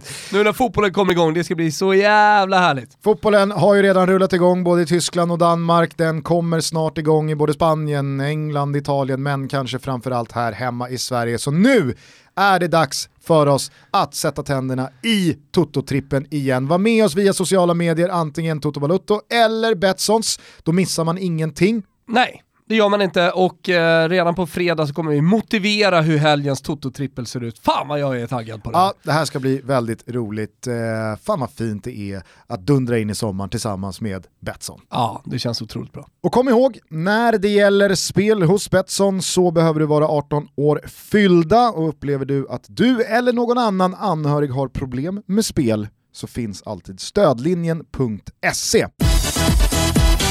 Eh, vi kämpar på lite snabbt med, med några faktafrågor här. Ålder, Eh, 48 tror jag. var är hemma för dig? Eh, det är en bra fråga. Jag måste väl säga Stockholm vid det här tillfället, alltså, för jag, jag, inte, jag får ju inte åka någon annanstans. När du kom hit, 99 har vi konstaterat att det var, eh, vad var det första som slog dig kring svensk fotboll? Vad var din första liksom, så insikt? Min första insikt var hur härligt det var med sommarfotboll. Jag kommer ihåg att jag är lite, jag horar mig runt lite på de Stockholmsklubbarna, så jag bryr mig inte om det är Djurgården eller AIK eller Hammarby, jag går på vilken match som helst. Och så satt jag på Stockholms stadion, på gamla fina stadion 1912 i solen så såg jag Djurgården mot Malmö och så tänkte jag fan vad fint det är att sitta här och inte huttra och frysa och det regnar och det är inte liksom ett bladgräs på plan i Dailyman Park liksom. Så, Samtidigt, alltså, vi vilken återigen- jävla, ja, men får jag bara säga vilken, vilken optimal tid du ändå kommer till Sverige utifrån ett svenskt fotbollsperspektiv. Jajamän. Alltså, IFK Göteborg har precis haft en eh, väldigt framgångsrik storhetstid ute i Europa. AIK har precis eh, alltså kvalat in till Champions League. Året efter så gör Helsingborg om den bedriften. Sverige går till EM 2000 och är sen med i flera mästerskap Zlatan. Ibrahimovic dyker upp. Zlatan slår igenom, alltså, Men 99 på stadion, det var inte där Zlatan gjorde dribbelmålet. nej det var 2000. Exakt, det var året efter. Men jag tänker också att det här måste ju varit precis i liksom publikboomen som blev också kring allsvenskan. Tifona började växa fram, det blev helt plötsligt 30-35 000 på Stockholmsderbyna på Råsunda från att det hade varit betydligt mer ödsligt året innan och sådär. Fan det måste, det måste ha varit ett sånt jävla lyft för dig Ja, ja. att komma från Irland rätt in i Stockholm och svensk fotbolls huvudstad då. Det var ju helt otroligt, för liksom just att få uppleva den här fotbollskulturen, liksom resten på Reuters mobbar mig lite grann eftersom jag bor i Stockholm, det bara pff, är det ens fotboll? De här killarna som sitter i Berlin och Paris och i Belgrad och det, det var, jo det är det, liksom, det finns ju en stämning kring svensk fotboll, det finns ju liksom en, en kärlek till det, jag älskar det här liksom, svensk fotboll rent allmänt och det spelar ingen roll om man är nere i Falkenberg eller på Malmö stadion eller på Ullevi eller vart det nu är. Jag har ju åkt bil upp till Sundsvall och sett matcher där uppe, Gävle också. Och det, det är någonting speciellt med det, det är någonting jag älskar med det, för det ger ju verkligen en del av folksjälen. Alltså. Ja, men jag, jag, tror, jag tror att en irländare liksom kan ta till sig den svenska fotbollen kanske lättare än alla andra. För att ni är så mycket folklore och ni är Ja, så ja. mycket folkvisor och så, så komma till Strandvallen och kika lite boll. Det är liksom, Ja, det är, men och sen- sen är det någon jävla dåre där nere som offrar pannben och näsben Ja. och alltihopa för att inte liksom släppa in 4-0. Nej. Det, Men och sen- det gillar irländaren. Men det är också att liksom, det är många här som har varit, ta Daniel Sjölund till exempel, som åkte bort, spelade i Liverpool, Eh, Emil Heskey var ju före honom och han fick ju aldrig riktigt ut det. Vet du hur många sådana spelare det finns på Irland? Jag har spelat med och mot så många killar som har spelat i Arsenals ungdomslag, Manchester United, City blev ju en stor grej, Sunderland, de här ställena liksom. Och just det är ju också liksom, ah men den här killen han spelade ner i Antwerp, eh, liksom en sväng eller någonting. Och det tyckte jag var skitkul, när Ibrahim Ba kom hit liksom, han var nästan för stor. Jesper Blomqvist likaså när han kom tillbaka liksom. Men de här spelarna som kommer hit från, de har testat i stora lag, de kommer tillbaka. Bojen är ett bra exempel liksom. När han spelade i AIK, vilken rabalder han skapade genom att komma tillbaka från utlandet. Han var killen alla skulle se och alla skulle snacka med och höra liksom. Det är en till på väg, eventuellt. Nu har han skadat vaden har jag läst. Och när vi lägger ut det här så kanske man vet allting om det, men eh, Zlatan heter han. Ja just det, ja. han vill jag se. Jag har hört... Talar om att vara för stor för sin liga. Jag måste ändå gå emot Ibrahim Ba. Jag har tänkt på det många gånger när hans namn har dykt upp. Alltså, jag minns det inte som en speciellt stor grej. Ja visst, det var Ibrahim Ba och han har spelat i Milan. Men jag kommer inte ihåg att det var någon jävla liksom så här wow-hysteri och han uträttade ju fan ingenting Nej, han på gjorde planen. inte piss. Nej. Men just när han skrev på så var det helt plötsligt liksom, ja det är världsstjärna. Det var, "Åh, sakta nu. liksom. Nej, jag, skulle, jag hade likställt det med typ när Frimpong skrev på för AFC. Det var liksom så här, nej, det var typ samma lika för mig. Jag Var det Leo Jägerskiöld Nilsson skrev om eh, han som skrev på för eh, Östersund, som är det största som har hänt eh, svensk fotboll. Ravel Morrison. Ravel Morrison, ja precis. Han var också, han gjorde inte så mycket heller va? Nej, han gjorde väl ingenting. Nej, Men det var ändå det största som hade hänt när han skrev på. ja, nej men det- jag, jag, jag känner bara, jag måste, jag måste bara säga det en gång för alla om Gugge Ibrahim. Bas tid i Djurgården. Ja. Det var liksom så här. Jag, jag skakar bara på huvudet när folk tänk, alltså, pratar om det som något maxat. Wow, ja. Det var verkligen inte Det maxat. var ingen wow. det var ingenting. Eh, kvaliteten på fotbollen, upplevde du att så här, hej det här är ju bra, eller var det så här, åh, Vissa lag, alltså, så jag kommer ju ihåg när Djurgården vann, var det 2002-2003? Ja. Och de, deras högtempo för det var ju skitbra. Vissa andra AIK som spelade i Champions League den tiden, okej de var mycket mer defensivt, men liksom, de höll ju måttet mot Fiorentina, mot Barcelona, mot Arsenal. Då. Och då tänkte jag, ja, det var, det var bättre än vad jag hade förväntat mig, absolut. Eh, din fetaste fotbollsupplevelse någonsin? Det var nog, eh, nu ska vi se, när Irland spelade mot Italien EM 2016 och behövde vinna med 1-0 för att gå till eh, utslagsrundorna. Och så satt jag där och eh, liksom, i, i, Italien hade ett B-lag den kvällen, och alltså Thomas minns säkert väl, liksom, det bara, pff, vi är klara, alltså, vi, vi ställer upp med de här. Och så tänkte vi, fan vi har ju en chans ändå. Och du vet, som journalist, det här är ju en Reuters grej också, man är otroligt opartisk. Jag sitter där, jag säger ingenting, jag firar ingen mål, jag säger ingenting.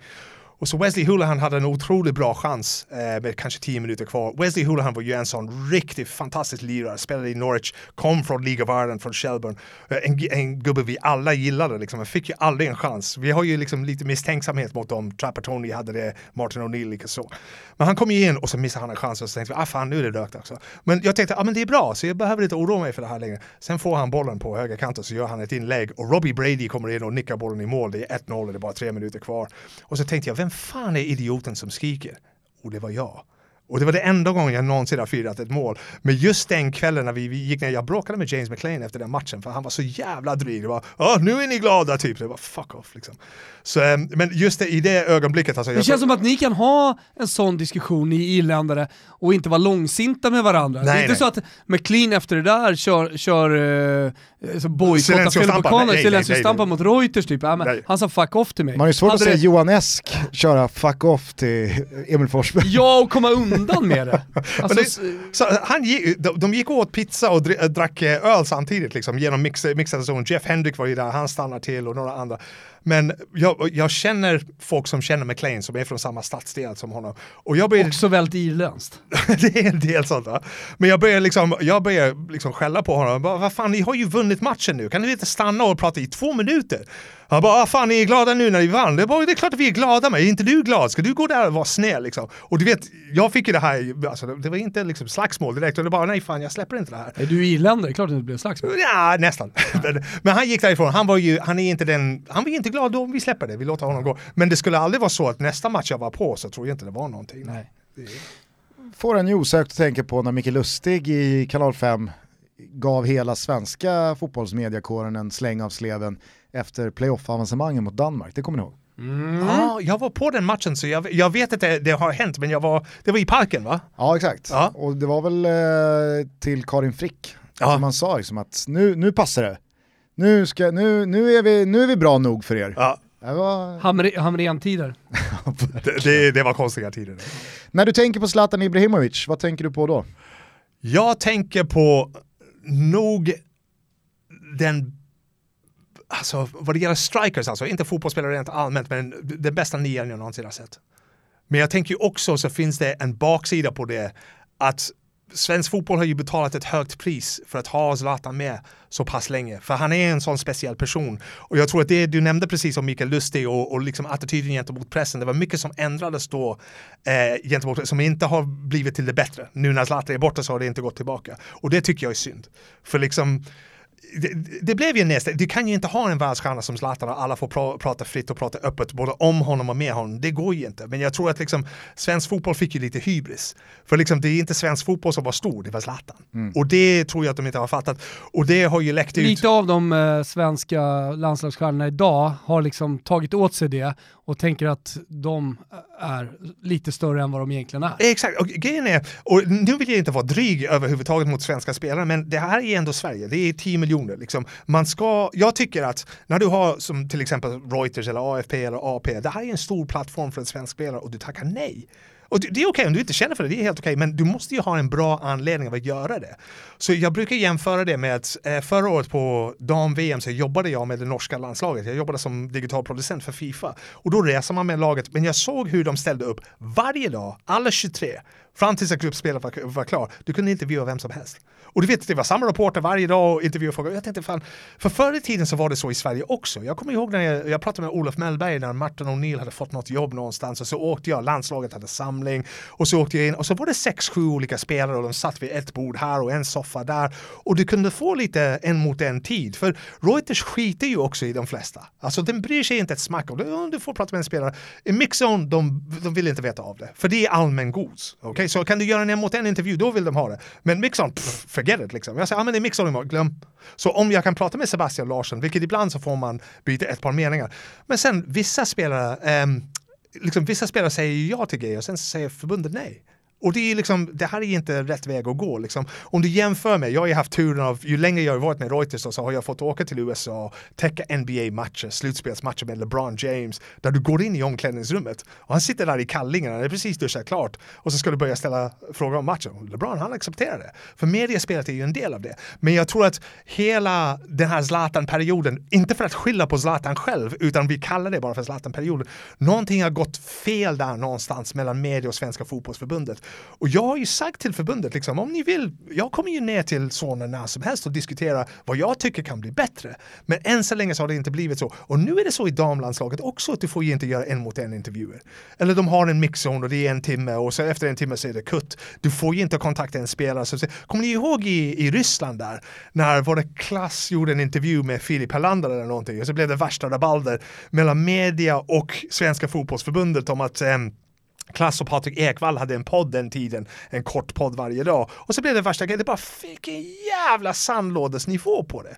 För det som gör det intressant, det är inte resultat. Det är berättelserna, det är hur Borjan är som person, hur Henok är, hur Zlatan är. För de allra flesta, om jag tänker på hur många hundra spelare inte spelar för Sverige sen jag började 2008, eh, och börjar täcka landslaget 2008, de allra flesta bara försvinner. Sebastian Larsson har alltid ställt upp. Och jag vet att jag kan alltid ringa honom eller diskutera med honom i ett hörn någonstans eller mixzon. Men kommer vi till ett skede där de inte gör det längre, då Reuters går ju vidare. De har redan börjat skicka mig till Norge och Danmark. För Danmark är ju fortfarande ganska öppen där. Ja, du menar att det är stor skillnad Ja, på det är de andra jättestort. nordiska I, länderna? I Danmark under eh, Morten Olsens tid, jag åkte ner till det här eh, i Helsingör där, så har de ett hotell, Marienlyst hotell där de alltid bor. Och så du åker ner dit och så Morten har ju sin presskonferens. I slutet så kommer alla spelare in och de ställer sig runt. Liksom. Bente kom ju in sist av alla. Och Bente var, om du pratar engelska med Niklas Bente så blir han automatiskt sned på dig för han tror att du är någon tabloidkille som vill bara prata om tjejer eller sprit eller någonting sånt. Men de kom in ändå och Bettner ställde ju upp ändå och Daniel Agger lika så, Christian Eriksen lika så. Och sen så ser man på det svenska, det bara nej nu får du killen som eh, inte fick spela någonting igår. Va? Det bara, varför? Och jag tycker, och det är inte för mig som journalist, för liksom, om jag inte gillar det så går jag inte dit. Liksom. Men jag tycker fans och spelarna själva framförallt. Och när jag tittar på damspelarna också, jag tror inte de gynnas för fem öre av det här. Lyft dem! Lyft alla som har någonting positivt med svensk fotboll att göra. Lyft, berätta! Och då försvinner det här negativa. Och sen om det blir bråk med någon, absolut ta det. Om jag har skrivit någonting om dig Gusten, som det inte, ta det med mig liksom. Och sen, jag är inte dum, jag vill inte bara liksom få det att se idiotiskt ut. Den här hålla stolpen-grejen med mycket Lustig liksom. Vet inte, det blev ju lite väl mycket. Vi kan ju inte jämföra den nu med Jimmy Durmaz som blev liksom utsatt för riktigt hat på Instagram. Men om jag skriver att inte mycket spelade en bra landskamp någon gång, jag tror ju att mycket vet ju själv vad jag menar när jag skriver det. Jag tar ju um, jag var i Las Vegas för ett par år sedan när Conor McGregor skulle fightas mot Khabib Nurmagomedov. Conor är ju hur stor som helst. Jättestor, jättesjälvsäker. Men han förlorar. Och så skrev jag det i The Irish Times att han måste glömma bort den här myten han har byggt kring sig själv. Och du vet, det är nio timmars tidsskillnad mellan Las Vegas och Stockholm, åtta timmar mellan eh, Las Vegas och Dublin. Och så kom det ut midnatt, alltså natten mot måndag i Dublin. Och direkt fem minuter efteråt så får jag ett samtal från någon. Hej, Conor gillar inte det där. Det skiter jag i. Alltså jag säger inte han är en dålig pappa, en dålig fighter ens en gång. Jag säger att han måste glömma bort allt det här för att hitta tillbaka till sitt riktiga jag. Liksom. Så han tog ju det illa upp. Men jag tror inte det är många i svensk fotboll. Om du inte går och säger Micke Lustig är bajs liksom, och bara hackar på honom på det sättet. Men jag tror inte svensk media gör det heller för det mesta. Nej, och ska, Jag håller vi, ska vi vara ärliga så att det har inte Micke Lustig gjort en enda dålig match. Det är, sin det är, Nej, så jag, jag, alltså en ros till Micke också. Micke har alltid ställt upp eftersom han spelar i Celtic. Vissa spelare som Micke, som Sebastian Larsson har alltid varit väldigt trevliga mot mig, även när det har gått dåligt. Så Micke har ju alltid stannat även när Sverige förlorar. Och jag tycker liksom, det ska vara både och. Liksom. Ja, men jag kommer ihåg när eh, Sverige vann över Italien på San Siro. Efter mixad zon kan man ju tänka, mixad zon, ehm, det var ju landsorg och eh, italienska spelarna visste ju att eh, det de hade misslyckats med att ta sig till mästerskapet, det, det, det skulle skapa sorg för 60-70 miljoner. Ja, ja. Eh, men ändå så stod Buffon där Ja. och De Rossi var där. Och, alltså, de stannade och de pratade svettiga direkt efter en sån match. Det, det, det är bara De respekt. kom ut med huvudet liksom. högt, alltså huvudet högt, men som förlorare, men, men de tog det ändå. Men jag tror också att du har ju ett ansvar för liksom det brukar sägas på engelska, nature doesn't support a vacuum. Liksom. Så om det blir ett vakuum där du inte får några citat från spelarna, oh, men då är det fritt fram för folk att börja fylla det med tyckandet. Och jag vill helst, liksom, jag kan ge min syn på det som har hänt. Jag ser ju fotboll, jag fattar vad det är jag ser på. Liksom, att om en mittback är för långsam, om vi tar matchen som jag skrev om häromdagen mellan Paderborn och Hoffenheim, jag tror det var Hoffenheims mittback som gav bort bollen, då får jag skriva att det var grievous error, alltså han har gjort någonting, en riktig jävla tabbe liksom. Det är inte, om du är sämst och du ska aldrig spela i den här klubben mer, utan det är det som hänt liksom. Men det är bättre då att, att de kommer ut och tar på sig det som hänt och du har tagit ett rätt kort och det lugna ner dig lite grann. På de VM förra året så hade den här grejen där mixade zonen kom innan de gick in i omklädningsrummet och duschade och allt det där. Det tycker jag är fel. För du är fortfarande, alltså efter slutsignalen så ska du gå direkt förbi reportrarna. Dels så kan du säga precis vad som helst om du har bråkat när Australien förlorar mot Norge på straffar liksom. Och tjejerna var helt förkrossade, vissa var väldigt arga. Det var inte, fan inte läge att prata med journalister. Låt dem gå, låt dem duscha, låt dem byta om. Diskutera laget emellan. Ey, så här säger vi om att den här personen fick ett rött kort eller hon missade det här läget eller han missade så här liksom. Vi backar varandra, nu går vi ut och kör. Hellre det än liksom att mixade zoner med, med England är ju hemska för de har ju sina kompisar och de stannar till. Jag har bråkat med Wayne Rooney om det här liksom, där han försöker hitta liksom en liten plats där ingen ser honom prata med en kompis från Manchester Evening News. Jag tycker det är löjligt alltså, för fansen vill ju veta. Jag är inte där för mig själv, det är inte för att jag ska prata med Wayne Rooney, det är så att hela världen ska veta vad han tycker själv om matchen. Ja, nej, men, och det, där, eh, det där pratade vi väldigt mycket om för något år sedan där när eh, Emil Forsberg lämnade samlingen och. Robin Olsen eh, kör sin märkliga silencio-stampa. Mm. Är den fortfarande på? Jag tror det. Ja. Nej, men, Eventuellt så har Robin Olsen fortfarande silencio-stampa, jag vet inte. Eh, nej, men då, och det har jag sagt hela tiden att så här, bojkotta media, gör det. Mm. Men då får man också köpa att det blir spekulationer. Ja, ja, exakt. Det Men- som du det sa med man- ja, vakuumet. Exakt, det måste man ju förstå. Vill man göra någonting åt det själv, snacka då. Ja, När Robin spelade i Malmö FF i Champions League, jag åkte ner dit och någon dag så eh, var jag där och gjorde en intervju med honom i den division 5-klubben som han hade spelat i något år tidigare. Han tappade bort kärleken till fotbollen, började spela med grabbarna igen, så åkte vi ner dit och vi gjorde en trevlig liten intervju om det. Men sen kom vi på att om jag hade lagt ut en intervju, för ibland när jag får en sån intervju, en timme senare ser det ut liksom. Men så sa jag nej, om jag gör det så bryter han få- faktiskt mot Uefas regler. Du kan bara ha vissa pressevent, matchday minus one. Du kan bara göra vissa grejer. Så att han tar en en mot en med mig då kommer han att hamna i skit för. Okej? Och det här är ju, det går emot det jag vill ha utav det. Jag vill ha en exklusiv intervju med honom direkt. Men, sa, nej men vi väntar några dagar innan nästa match så släpper vi det här så att inte han skulle få skit för det. Och det, han är inte skyldig mig någonting för det. Men vi måste ju ändå vara mänskliga mot varandra. Det här med du är spelare, jag är journalist, absolut. Vi ska respektera den där relationen. Men jag ska alltid kunna vara hövlig mot dig. Jag ska alltid kunna säga, Inte idag bror. Jag, jag, jag känner inte för det där. Du, du vet, matchen gick som det gick, jag vill inte uttala mig. Men vi ses, eller ring mig, eller sms eller vad det nu är. Men att vi går till det här där vi drar det hårt. För jag har ju aldrig skrivit någonting ens negativt kan jag tänka mig om Robin Olsson som person. Kanske som spelare, kanske någon tabbe han gjort. Så då vill jag veta, och samma sak du och jag Thomas, ibland har jag uttryckt mig klumpigt om någonting du har sagt till exempel. Och jag har alltid sagt att men ta det direkt med mig så att vi inte har någonting som blir infekterat. För vänskapen eller relationer, vi ska inte offra de här grejerna för små dumma grejer. Just det, vi hade någonting på Twitter för eh, ett tag sedan va? Ja, jag minns vad, vad det var. Jag kommer inte ens ihåg vad det var. Men det är det, vi kan ta det efteråt för att vi inte ska gå in i det nu. Men det var någonting som du och jag emellan och vi tog den diskussionen vid sidan av och så löste det sig. Det. Men har vi en situation där, för din karriär är kort. Hur länge spelar man i snitt i landslaget? Fyra, fem, sex år? Pierre Bengtsson har spelat liksom några matcher i landslaget. Pierre har också varit en sån i FC Köpenhamn som har alltid ställt upp, men sen inte varit med så mycket i landslagssammanhang. Men sen när det är över, det är över. Det är slut.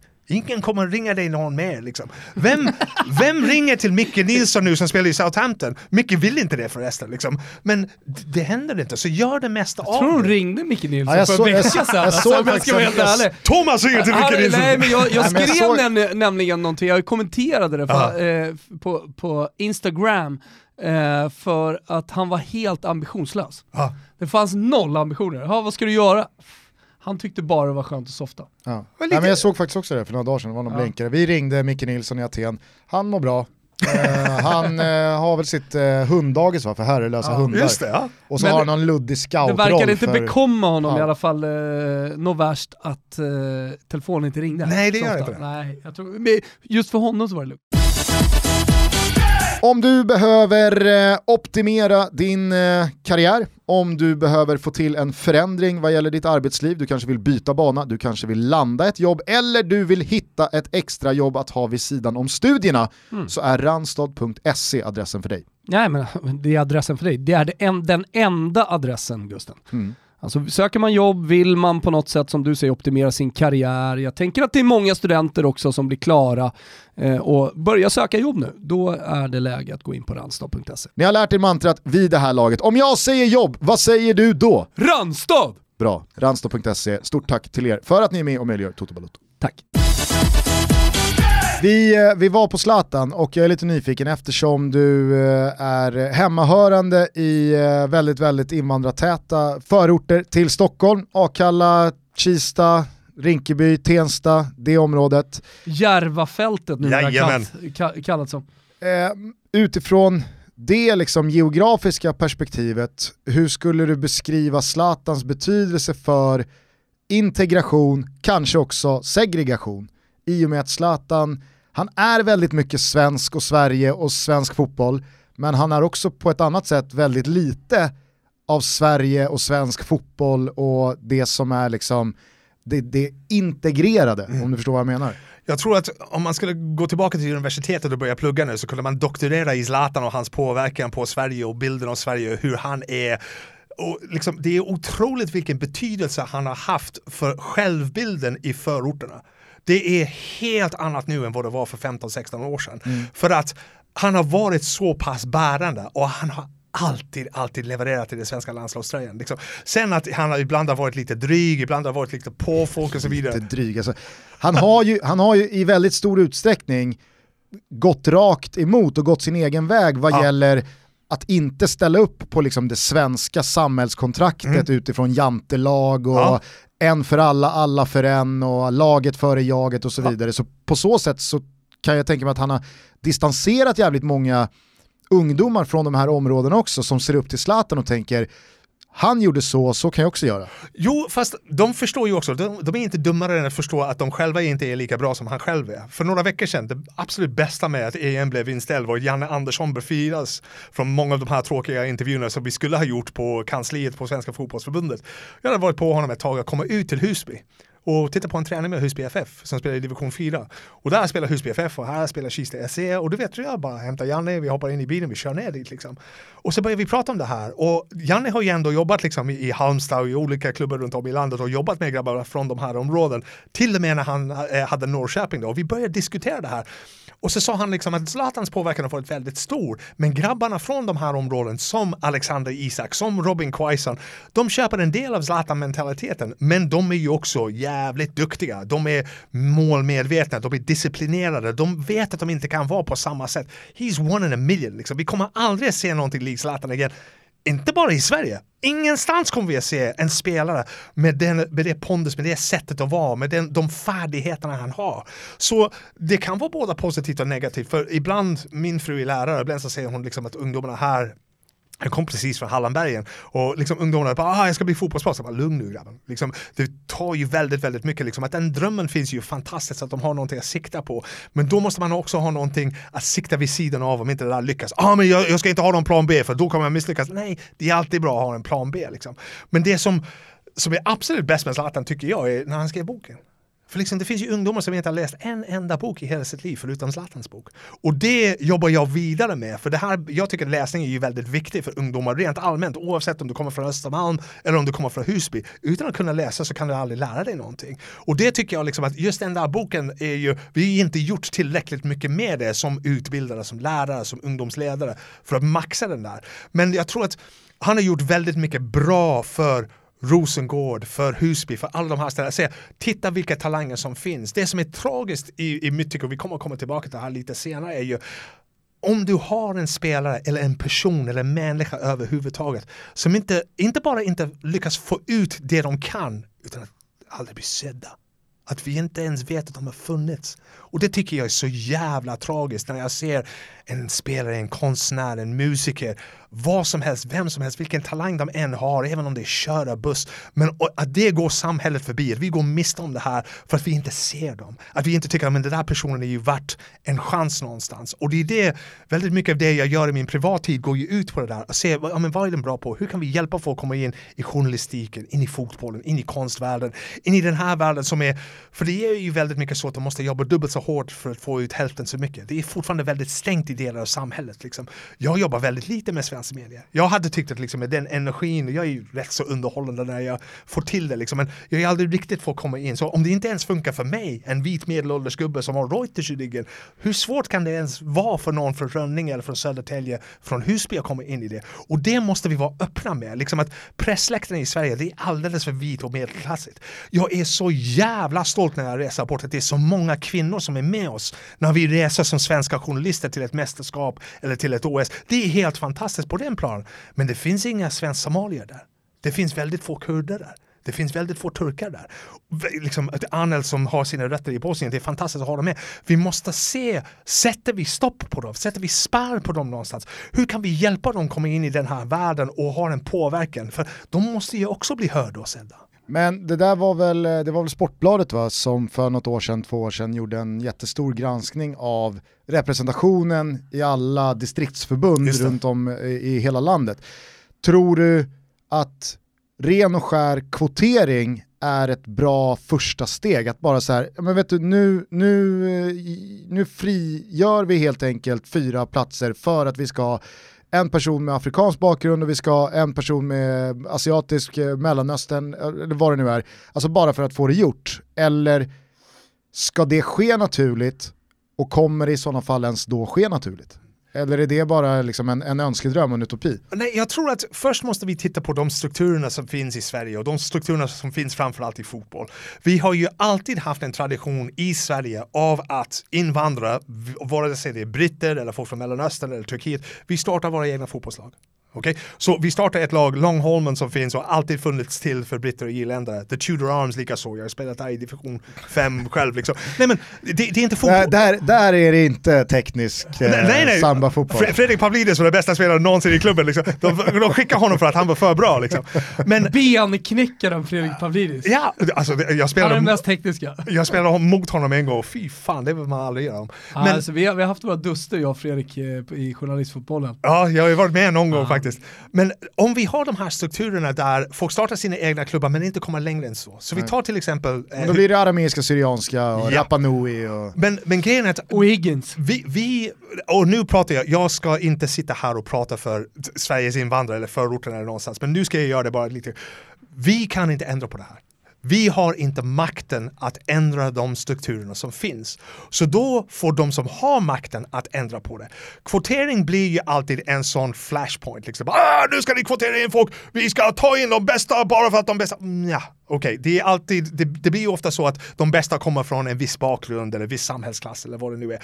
Jag tror att snarare än att börja kvotera in folk på grund av hudfärg, etnicitet eller se vad det är som saknas. Det är ganska lätt att sitta på Svenska fotbollsförbundet och se vilka perspektiv det är som saknas. I väldigt många år var det kvinnor. Om vi tar det engelska fotbollsförbundet så var alltså, kvinnofotbollen var ju olaglig i princip till 1971. Samma sak i Brasilien, liksom. det är bara nyligen som de har tilläts vara med i det. Sakta men säkert kommer in kvinnor i Fifa. Sakta och säkert kommer in afrikanska representanter och Mellanöstern-representanter i Fifa. Från liksom gamla, eh, vad heter det, eh, Iron Curtain countries. Nu har vi folk som kommer in i Uefa. Vi måste titta på det och vi måste bjuda in dem. Vi ska, de ska inte tvingas tränga in sig själva. Och ett sätt att göra det, om vi tar till exempel i, i Stockholmsfotbollen här. Vi hade Husby mot Rinkeby i väldigt många år i division 5, 6, 7 vad det nu var. Bojan älskar älskade de där matcherna. Om du tittar tillbaka på sociala medier, alltså, vilka känslor det fanns. Alltså, tusentals... Lite skådespel från uh, Bojan. Så, så, såklart! Så, lite posering uh, måste jag ändå All säga. the world is a stage. Men samtidigt, de där matcherna, derbymatcherna i förorterna, för nu Hallonbergen spelar mot Husby FF ibland och det är stora matcher. Det har ju ersatt Rinkeby. Men Stockholms fotbollsförbund säger nej, de här matcherna är inte säkra. Det bara har ni varit på matchen? Mm. Alltså de matcherna spelas på Arvinga BP. Jag bor ju på samma gata. Jag går ju dit. Jag har aldrig känt mig hotad någon gång på vare sig Husby FF, Rinkeby United, spelar själv i Söderhöjden och, och sådana småklubbar liksom. Så om du har den uppfattningen om nej, gå ut. Ta ut Janne till Husby. Janne fullkomligt älskade den kvällen vi var där ute. Trots att någon försökte sälja honom ett par sandaler eller vad det nu var från en uh, the boot of a car. Liksom. Det är sådana grejer. Men han var ju där, han sa nej men det här är ju fotbollen, men vi måste bjuda in folk och mm. framförallt så måste vi lyssna på dem. Vi måste vara beredda på om jag tittar på landslaget nu till exempel, ursäkta Gugge. Eh, det är väldigt många unga tjejer med samma bakgrund, samma samhällsklass. Vi ska inte ens prata om etnicitet, men du kommer från samma sam samhällsklass. Varför når vi inte till tjejerna i förorten? I Husby, i Kista, i Akalla. Tjejer spelar basket, killar spelar fotboll. Okay? Så vi har ju ett ansvar, vi som bor där och vi som agerar där och lever våra ja, liv Det tror jag verkligen. Ja, men vi har ett ansvar. Det är jätteviktigt. Och det nästa jag kommer att dra igång är spontan fotboll för tjejer. Okay? Och det så börjar jag med mina egna barn, men också andra. Och du vet, kom, alltså jag kommer jaga bort varenda kille för varenda plan. Om vi ska spela på en 500 plan, låt dem bara spela. Och den här spontanfotbollen, tio år, kanske deras döttrar eller deras liksom, barnbarn kommer sen att spela. För vi måste ju göra fotboll tillgänglig för alla. Så för att svara på din fråga, snarare än att kvotera in, vi måste se vad det är som fattas först. Men det är upp till svensk fotboll, inom citationstecken, att bjuda in dem som inte är representerade eller känner sig representerade just nu. Du kommer få arbeta hårt med de föräldrarna till barnen som inte vill att deras döttrar ska spela fotboll. Vet Men du? jag, jag, jag finns där vid din sida, jag lovar dig Filip. Eh, Min broder alltså. Filip, Filip, eh, kan jag säga, men inte Filip för fan. Nej men det, det, det, är ju någonting som vi har ju redan... Om nu Filip ska in i svensk fotboll då får vi fan uh, göra någonting åt uttalet på... Fan, du får heta Filip. Ja, exakt. Filip von König. Ni, ni, ni, får ju bestämma, alltså ni två får bestämma vad jag får heta i svensk ja. fotboll. Nej men det är ju så, för folk har ju sina förväntningar, eller sina förutfattade meningar. Men vi hade en tjej som spelade i AIK. Um, Kista Galaxy en tid så hade vi, vi hade liksom ett lag i division 3 som högst tror jag det var. Men vi hade ju också ett korpenlag och det var till för alla läxhjälpare, alla gamla spelare, alla ledare, alla som inte skulle platsa eller inte vill träna tre gånger i veckan för att spela i sjuan. Men vi tog in vem som helst, så ibland så tog vi in, trots att vi inte fick, så tog vi in 14-åringar som var duktiga. De var bra gatuspelare, de var bra på mm. gården, de var bra med kompisarna, men de kunde inte spela organiserat. Så vi tog in och sa, hej, spela på mittfältet här. Vi kommer att prata med dig lite vad du ska se upp för och så vidare. Vi tog in en tjej i slöja en gång. Och du vet, jag sa till killen i motståndarlaget, högerbacken, jag sa okej, okay, ta det lite lugnt nu, spela precis som vem som helst, men om jag säger att du fular till det så kommer jag mörda dig. Och hon var, alltså, hon var helt lysande. Men hon gick ju sen vidare till AIK, jag vet inte om hon fortfarande spelar, men kan du få in en så kan du få in fem och sen helt plötsligt så har du ett lag. Jag tror, jag tror också, eh, om man, om man kollar på de eh, Järvafältet där du bor, jag har precis fått in en tjej från Vårby i, i mitt lag, alltså mm. norra Botkyrka, eh, kolla på Södertälje. Ja. Så finns det väldigt få tjejlag, det finns väldigt få tjejer som spelar fotboll och det är enorma upptagningsområden. Ja. Eh, där det föds väldigt många bra fotbollsspelare. Ta Södertälje till exempel, väldigt många syrianer, väldigt många spelare som kommer fram därifrån. Eh, och fler och fler med åren också.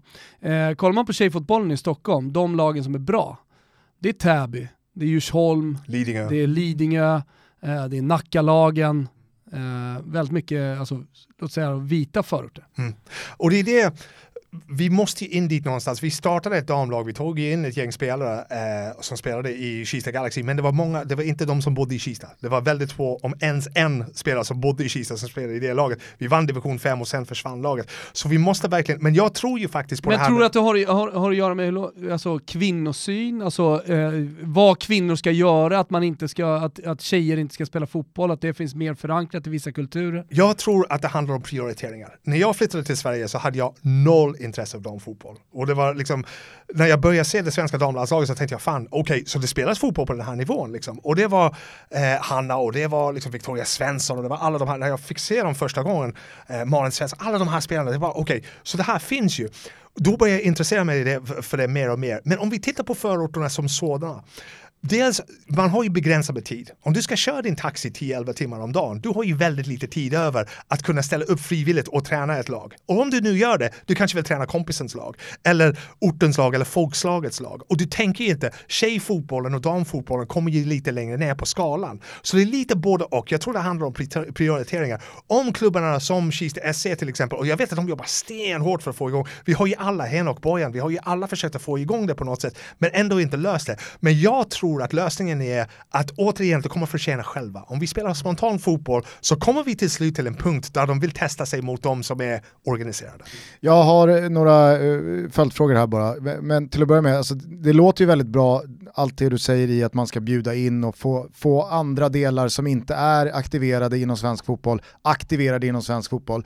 Men då låter det lite som att, ska det bara lösa sig av sig självt då? Ska vi ha en person, eh, liksom etnisk eh, afrikan, i en eh, styrelse för Svenska fotbollsförbundet om fem år, bara av sig självt då? Eller hur, alltså så här, hur konverterar man det till att det faktiskt blir en större representation av hur det svenska samhället ser ut faktiskt? Jag tror att man måste ha en plan inom den svenska fotbollsförbundet. Man måste ha en plan för integrering för att verkligen ta vara på de absolut bästa som finns. Inte sett till etnisk bakgrund eller någonting sånt. Man måste vara medveten. Man måste vara öppen med det också. Att så är inte fallet i dagsläget. Så om vi tittar på liksom, alltså Syrianska har ju varit uppe i allsvenskan, vem var det som var sist? Dalkurd var ju uppe i allsvenskan Ja, också. syrianska och assyriska. Ja, båda. och de har kämpat väldigt mycket och sen det har ju inte riktigt räckt till och så har de ramlat ur igen. Liksom. Men hur har vi inte lyckats att ta del av dem som ehm, Diljan Otolus till exempel, han har ju varit med i, Dalkurd, han var deras presschef och nu jobbar han för SVT. Det här är en kille som har tagit in sig i den stora fotbollsfamiljen, liksom rapporterar om fotboll eh, på det sättet. Liksom. Och det är väldigt få som har lyckats. Varför är inte han, för han är, när du pratar med honom om föreningslivet, han är ju otroligt kunnig och insatt. Och han är inte den enda. Om du tittar på den här somaliska kuppen som äger rum i Järva varje sommar, alltså, där har du en om du vill, vi brukar kalla det för Gothia Cup för förorten. Liksom. Det kommer somalier från hela världen för att spela i den här kuppen och det är en sån folkfest här ute på eh, Spånga IP brukar det spelas nu för tiden. Då. Och det är liksom, kan vi inte ta del av de här, liksom rannsaka oss själva, se vilka tillgångar som finns. Vad är det som fattas? Ofta kan jag tycka själv alltså, att jag kan inte de här sociala kodexerna som finns. Jag vet helt enkelt inte hur jag ska bete mig på Nobelmiddagen. Okej? Det kan vara eh, en block. När vi startade Stockholm Gales och spelade gaelisk fotboll här i stan, vi kunde inte det här med stadgar och hur man skaffar bankkonto till förening och allt det här. Liksom. Så, så det är jävligt svårt. We're Irish! Så all, We're fucking Irish! all done on black money. Eller? Men, men det är liksom de här grejerna som, det som måste man lära sig. Men när man väl har lärt sig, ta del av den erfarenheten. Och, men då, jag tror att det behövs en förhandlingsplan först och främst från Svenska fotbollsförbundet. Hur, om vi säger att, hur många i Sverige har invandrarbakgrund? Ska vi säga 15%, 20% kanske? Jag skulle säga mer. Okej, men vi säger 20% bara för, för diskussionens skull då. Och i Svenska fotbollsförbundet i styrelse, hur många har invandrarbakgrund? Ungefär plus minus En och en halv noll kanske. Så börja där, okej? Vad är det som stoppar det här? Och det, det krävs ju ett grundläggande arbete, men en sak som Svenska fotbollsförbundet är ju faktiskt väldigt bra på är ju just det här liksom meat and potatoes, gå ner i detaljen här och liksom skaffa sig kunskap och sen handla, alltså agera utifrån det. Det kommer att ta väldigt lång tid, jag är inte ens säker att jag lever när det här händer. Men jag brukar säga, och jag har sagt det i tio år till Henok Goitom, att han kommer att vara den första eh, landslagstränaren för Sverige med invandrarbakgrund från Husby. Jag brukar säga att han kommer leda oss till alltså, ställen vi aldrig ens har drömt om. För att han är så pass fotbollskunnig. Liksom. Så börja där, liksom, se tränaryrket, äh, spelaryrket, hur, hur, hur hänger det hela ihop nu? Och sen kan man börja ändra på det. Eh, du är ju, för er som eh, inte är från Stockholmsområdet och har koll på det, alltså de här förorterna vi räknar upp, eh, det är ju eh, blå linjen. Jajamän. Eh, ett område som AIK var väldigt framgångsrika, är väldigt framgångsrika med att använda som upptagningsområde. Eh, Bojan Djordjic, Martin Mutumba, Henok Goitom och så vidare och så vidare har ju verkligen eh, ja, men gjort eh, AIK rikare och framgångsrikare eh, senaste decenniet. Upplever du som har levt i de här områdena alla de här åren att det här har lett till att allsvenskan och svensk klubblagsfotboll har fått en annan status bland barn och ungdomar med invandrarbakgrund eller är det på väg att fejdas ut igen? Nej, den är fortfarande väldigt, väldigt stark. För det är inte bara de namnen du nämner, liksom. Henok är nästan lika gammal som jag nu, Bojan lika så spelar inte längre. Men nu har du Alexander Isak, du har Alex Milosevic, du har ju liksom en ny kull som kommer. Och AIK har ju blivit, inte bara svensk fotboll, utan AIK har ju blivit grejen där. Så förr i tiden, om vi går tillbaka 10-15 år och Bojan kunde bjuda oss på några biljetter på en match, ja, men man kunde hitta ungar på ungdomsgården och, som vill ha det. Men nu är det bara om du ser dig på ungdomsgården, bara hej, har du några AIK-biljetter eller? Vi vill se liksom, mot Sundsvall eller vad det nu är. Så det är mycket större intresse för just AIK och svensk fotboll då. Och det leder ju till, för de kollar ju på allting. Eh, ibland så kan det är någon som har liksom en C abonnemang eller Discovery abonnemang som kan titta på liksom, en match på ungdomsgården tillsammans. Och då är det, det är precis likadant som Champions League. Folk har ju åsikter, de kan ju spelarna. Och det är ju riktigt, det är så kul att se, för de är ju framtidens, alltså svensk fotbolls framtid. Och, och dessutom liksom när man ser det svenska landslaget, det är otroligt intresse för dem, just för att de känner sig representerade. Det svenska dam, äh, sorry, det svenska herrlandslaget är ju väldigt representativt för det Sverige som jag har bott i i 20 år. Med Robin, med Alex, med Zlatan, med vem som helst. Liksom. Plus att du har killar från Sundsvall och du har killar från Stockholm i, i laget. Så de är alltså det mest representativa. Men killarna och tjejerna där ute, de gillar att se det här. Och de, jag tror det var det 2016, man samlades på Husby torg för att kolla på matcherna tillsammans, storbilds-tv under liksom en umbrella och så kolla där. Så liksom, nej men jag tror att svensk fotboll, den, den lever väldigt väl där ute och folk har ju en passion för det där ute. Och bara sista frågan på då för att sy ihop säcken med Zlatan. När Zlatan la av i landslaget, upplevde du att de här delarna av fotbollssverige intressemässigt sket lite i landslaget och att de hade följt landslaget på grund av Zlatan eller har Zlatan gjort landslaget till en angelägenhet för svenskar, unga svenskar som kanske för 10 år sedan, 12 år sedan, 15 år sedan snarare såg sig som iranier eller turkar eller var, var man nu härstammar ifrån. Alltså att Zlatan etablerade Sveriges landslag i alla hus och hem alltså de minnen som man fick från Zlatan-tiden, liksom målet mot, eh, Ital var det mot Italien, eh, målet mot England, även om det var bara jippomatch. Liksom. De etsade sig så pass starkt i, i minnet på de här ungdomarna. Det går ju inte bara att skita i det svenska landslaget bara för att Zlatan slutar. Men sen plusset på det är ju Alexander Isak och Robin Quaison och de här unga spelarna som kommer igenom, John Guidetti också, som har en liten bakgrund ute längs, längs blå linjen, dyker upp i listan och spelar fotboll med grabbarna ibland. Liksom. Så det är ju fortfarande väldigt starkt. Så Zlatan, visst, han etablerade det. Han, Ibland var det lite sådär, men uh, Swedish liksom, vi ska inte kolla på svenska landslaget, men när spelar Iran eller när spelar African Nations Cup? Det var ju lite så kanske i början, men nej, Zlatan har ju gjort svenska landslaget till en del av vardagen, en del av vardagslivet. Och Alexander Isak och Quaison och gänget, de tar det vidare. De bara tar det vidare, absolut. Eh, vi eh, skickar på de sista frågorna här. Eh, vi har blivit långa, men eh, jag tycker att det har varit härligt. Ja, mycket härligt och eh, som sagt, det, det kommer fotbollsträningar så att vi får rappa lite. Mm. Eh, har du någon bucket list-match? som jag måste se någon gång? Alltså, jag vill se standard Boca mot River Plate eller någonting sånt, det vill alla se. Men jag tror det är mest en dröm för man har sett det mesta som man vill se i livet. Största aset du har intervjuat? Uff! fan skulle det vara nu? McLean. Nej, han är skön trots allt. Alltså. jag kan inte släppa jag tanken på att Johan Esk liksom ropar till Emil Forsberg, fuck, fuck off. jag kan inte tänka på så många, det enda som sticker Ta ut... i röven! Och du Emil, ta det i röven. Nej, alltså inom, inom svensk och, och skandinavisk fotboll. Extra roligt, det vet inte folk, det vet Philip, det är att Johan Esk, han är inte den som står längst fram vid repen och intervjuar. Tvärtom. Han smyger liksom bakom och sådär. Det är liksom disco, du sa Anel Avdic och Jo- Johan är så lugn så det bara och finns inte. de är där framme, eller hur? Ja, absolut. Patrik Ekwall liksom, Jag kommer som, ah! Esk kan lite bakom, smyger lite. Nej, Tycker att det är lite irriterande att folk har eh, kameror och håller på och filmar, så var det minsann inte förr i tiden när det bara var papper. Nej, nej, nej, det var, då kommer man ställa sina spörsmål. Nej, men jag måste nog säga då i så fall, Wayne Rooney, jag blev jävligt irriterad på honom i EM 2012 när han försökte smyga iväg med sina grabbar och göra sitt. Alltså. Vad sa du då?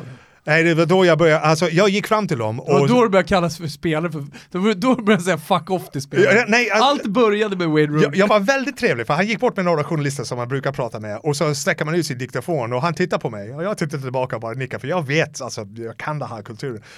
Och, bara, och så börjar han prata tystare och tystare för jag var ju lite längre ifrån liksom. Och jag kommer ihåg Malin Jönsson som nu jobbar med, numera jobbar med Gothia Cup och Häcken och det. Hon var med och vi hade en grej där hon, hon är lite mindre än vad jag är men om hon kom sent Då är han ganska liksom- lång. Ja exakt.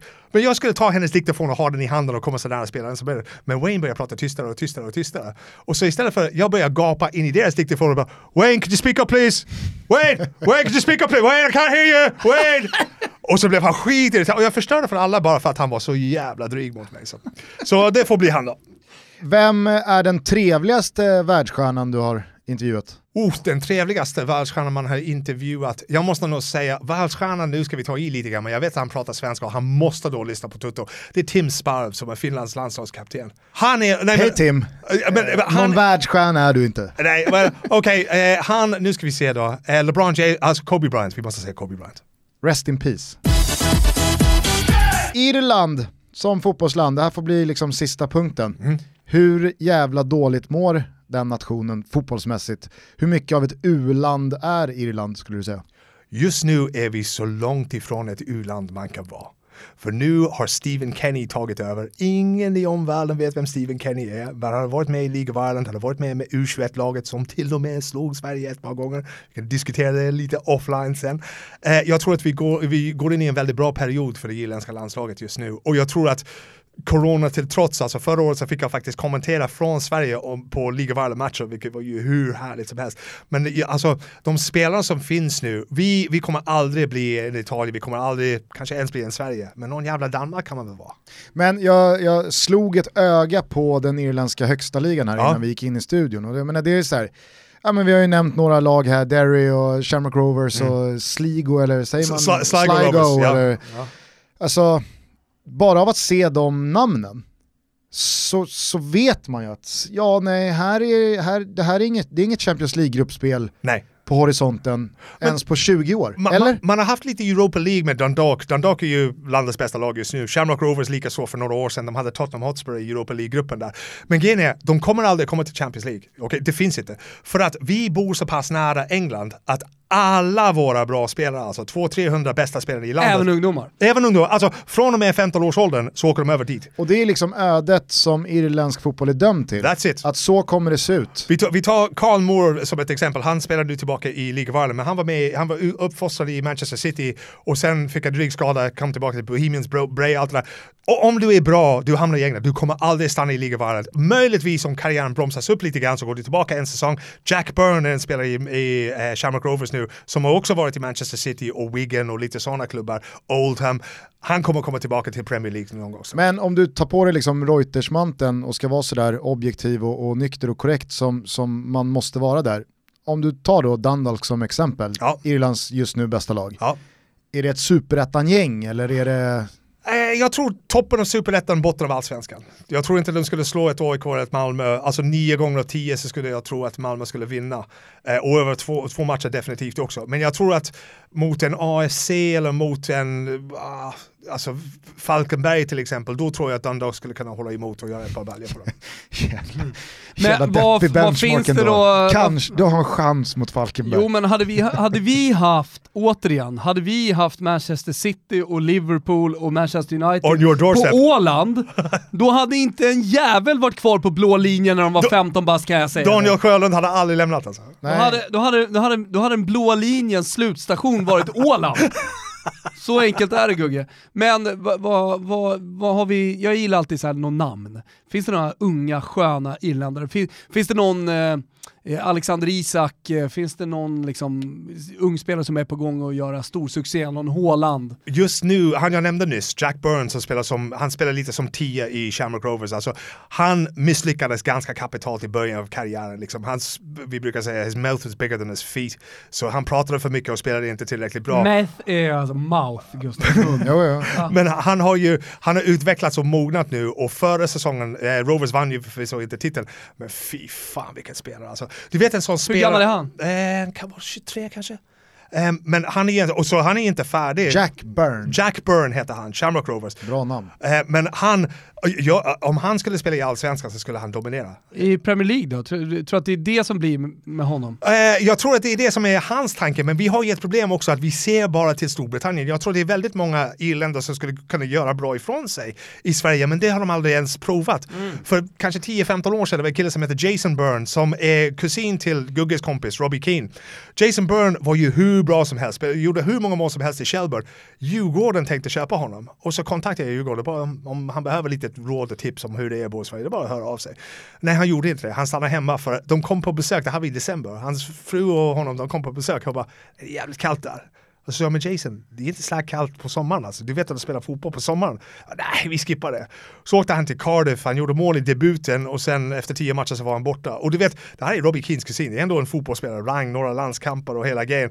Men nej, han provade inte. Och jag skulle hemskt gärna vilja se en Jack Byrne här i AIK, han skulle passa in alldeles utmärkt i Jack AIK. Byrne, Han härligt. fyllde nyligen 24, så att, eh, 24, okej. 96 Jack Byrne. Otroligt bra fotbollsspelare. Kolla på YouTube, det finns ju jättemycket. Eh, jag tycker att det är dags att eh, runda av, det känns som att vi hade kunnat Redan? sitta här i en och en halv timme till. Men, får göra eh, part two sen. eh, Exakt, du får komma tillbaks eh, vad det lider. Fan vad roligt att du eh, kom och gästade oss. Det var skitbra. Vet du, vi ska boka in det redan nu, för jag och Haidar Haidari från Husby har skrivit två böcker.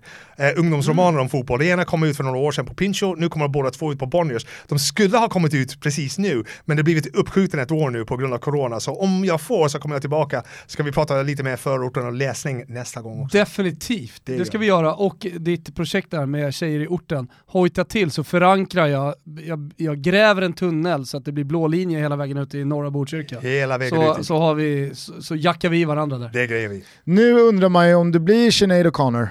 Eller blir det a cappella? Alltså nej, vet du, a cappella kommer vara nästa år när Ja, det är EM. härligt. Jag kommer dit bara för att uppträda på det. Men vet du, jag kommer skicka, superproducenten kommer få en låt av mig eh, från ett band som heter The Brilliant Trees. Och låten heter Talent. Och det handlar precis om det vi har pratat om och hur tragiskt jag tycker det är att vi inte ens får reda på vad vissa skulle kunna uppnå med lite stöd och lite hjälp. Och det är det jag vill att ni ska ta fram den här diskussionen. Vi ska alltid vara på utkik efter Jack Burns eller Jack Burns eller Zlatan Ibrahimovic inom vad det nu är i vardagslivet. Underbart Filip. Eh, hörni, följ Filip på Twitter om ni inte vill eh, missa någonting. Han har för sig eh, både av det ena och det andra från journalistikens värld. Mycket godis utlovas där. Filip O'Connor i ett ord va? Är Philip O'Connor i ett år. Inte E på slutet. Oh, tack. Eh, bra, tack Filip. Eh, ciao tutti. Ciao tutti!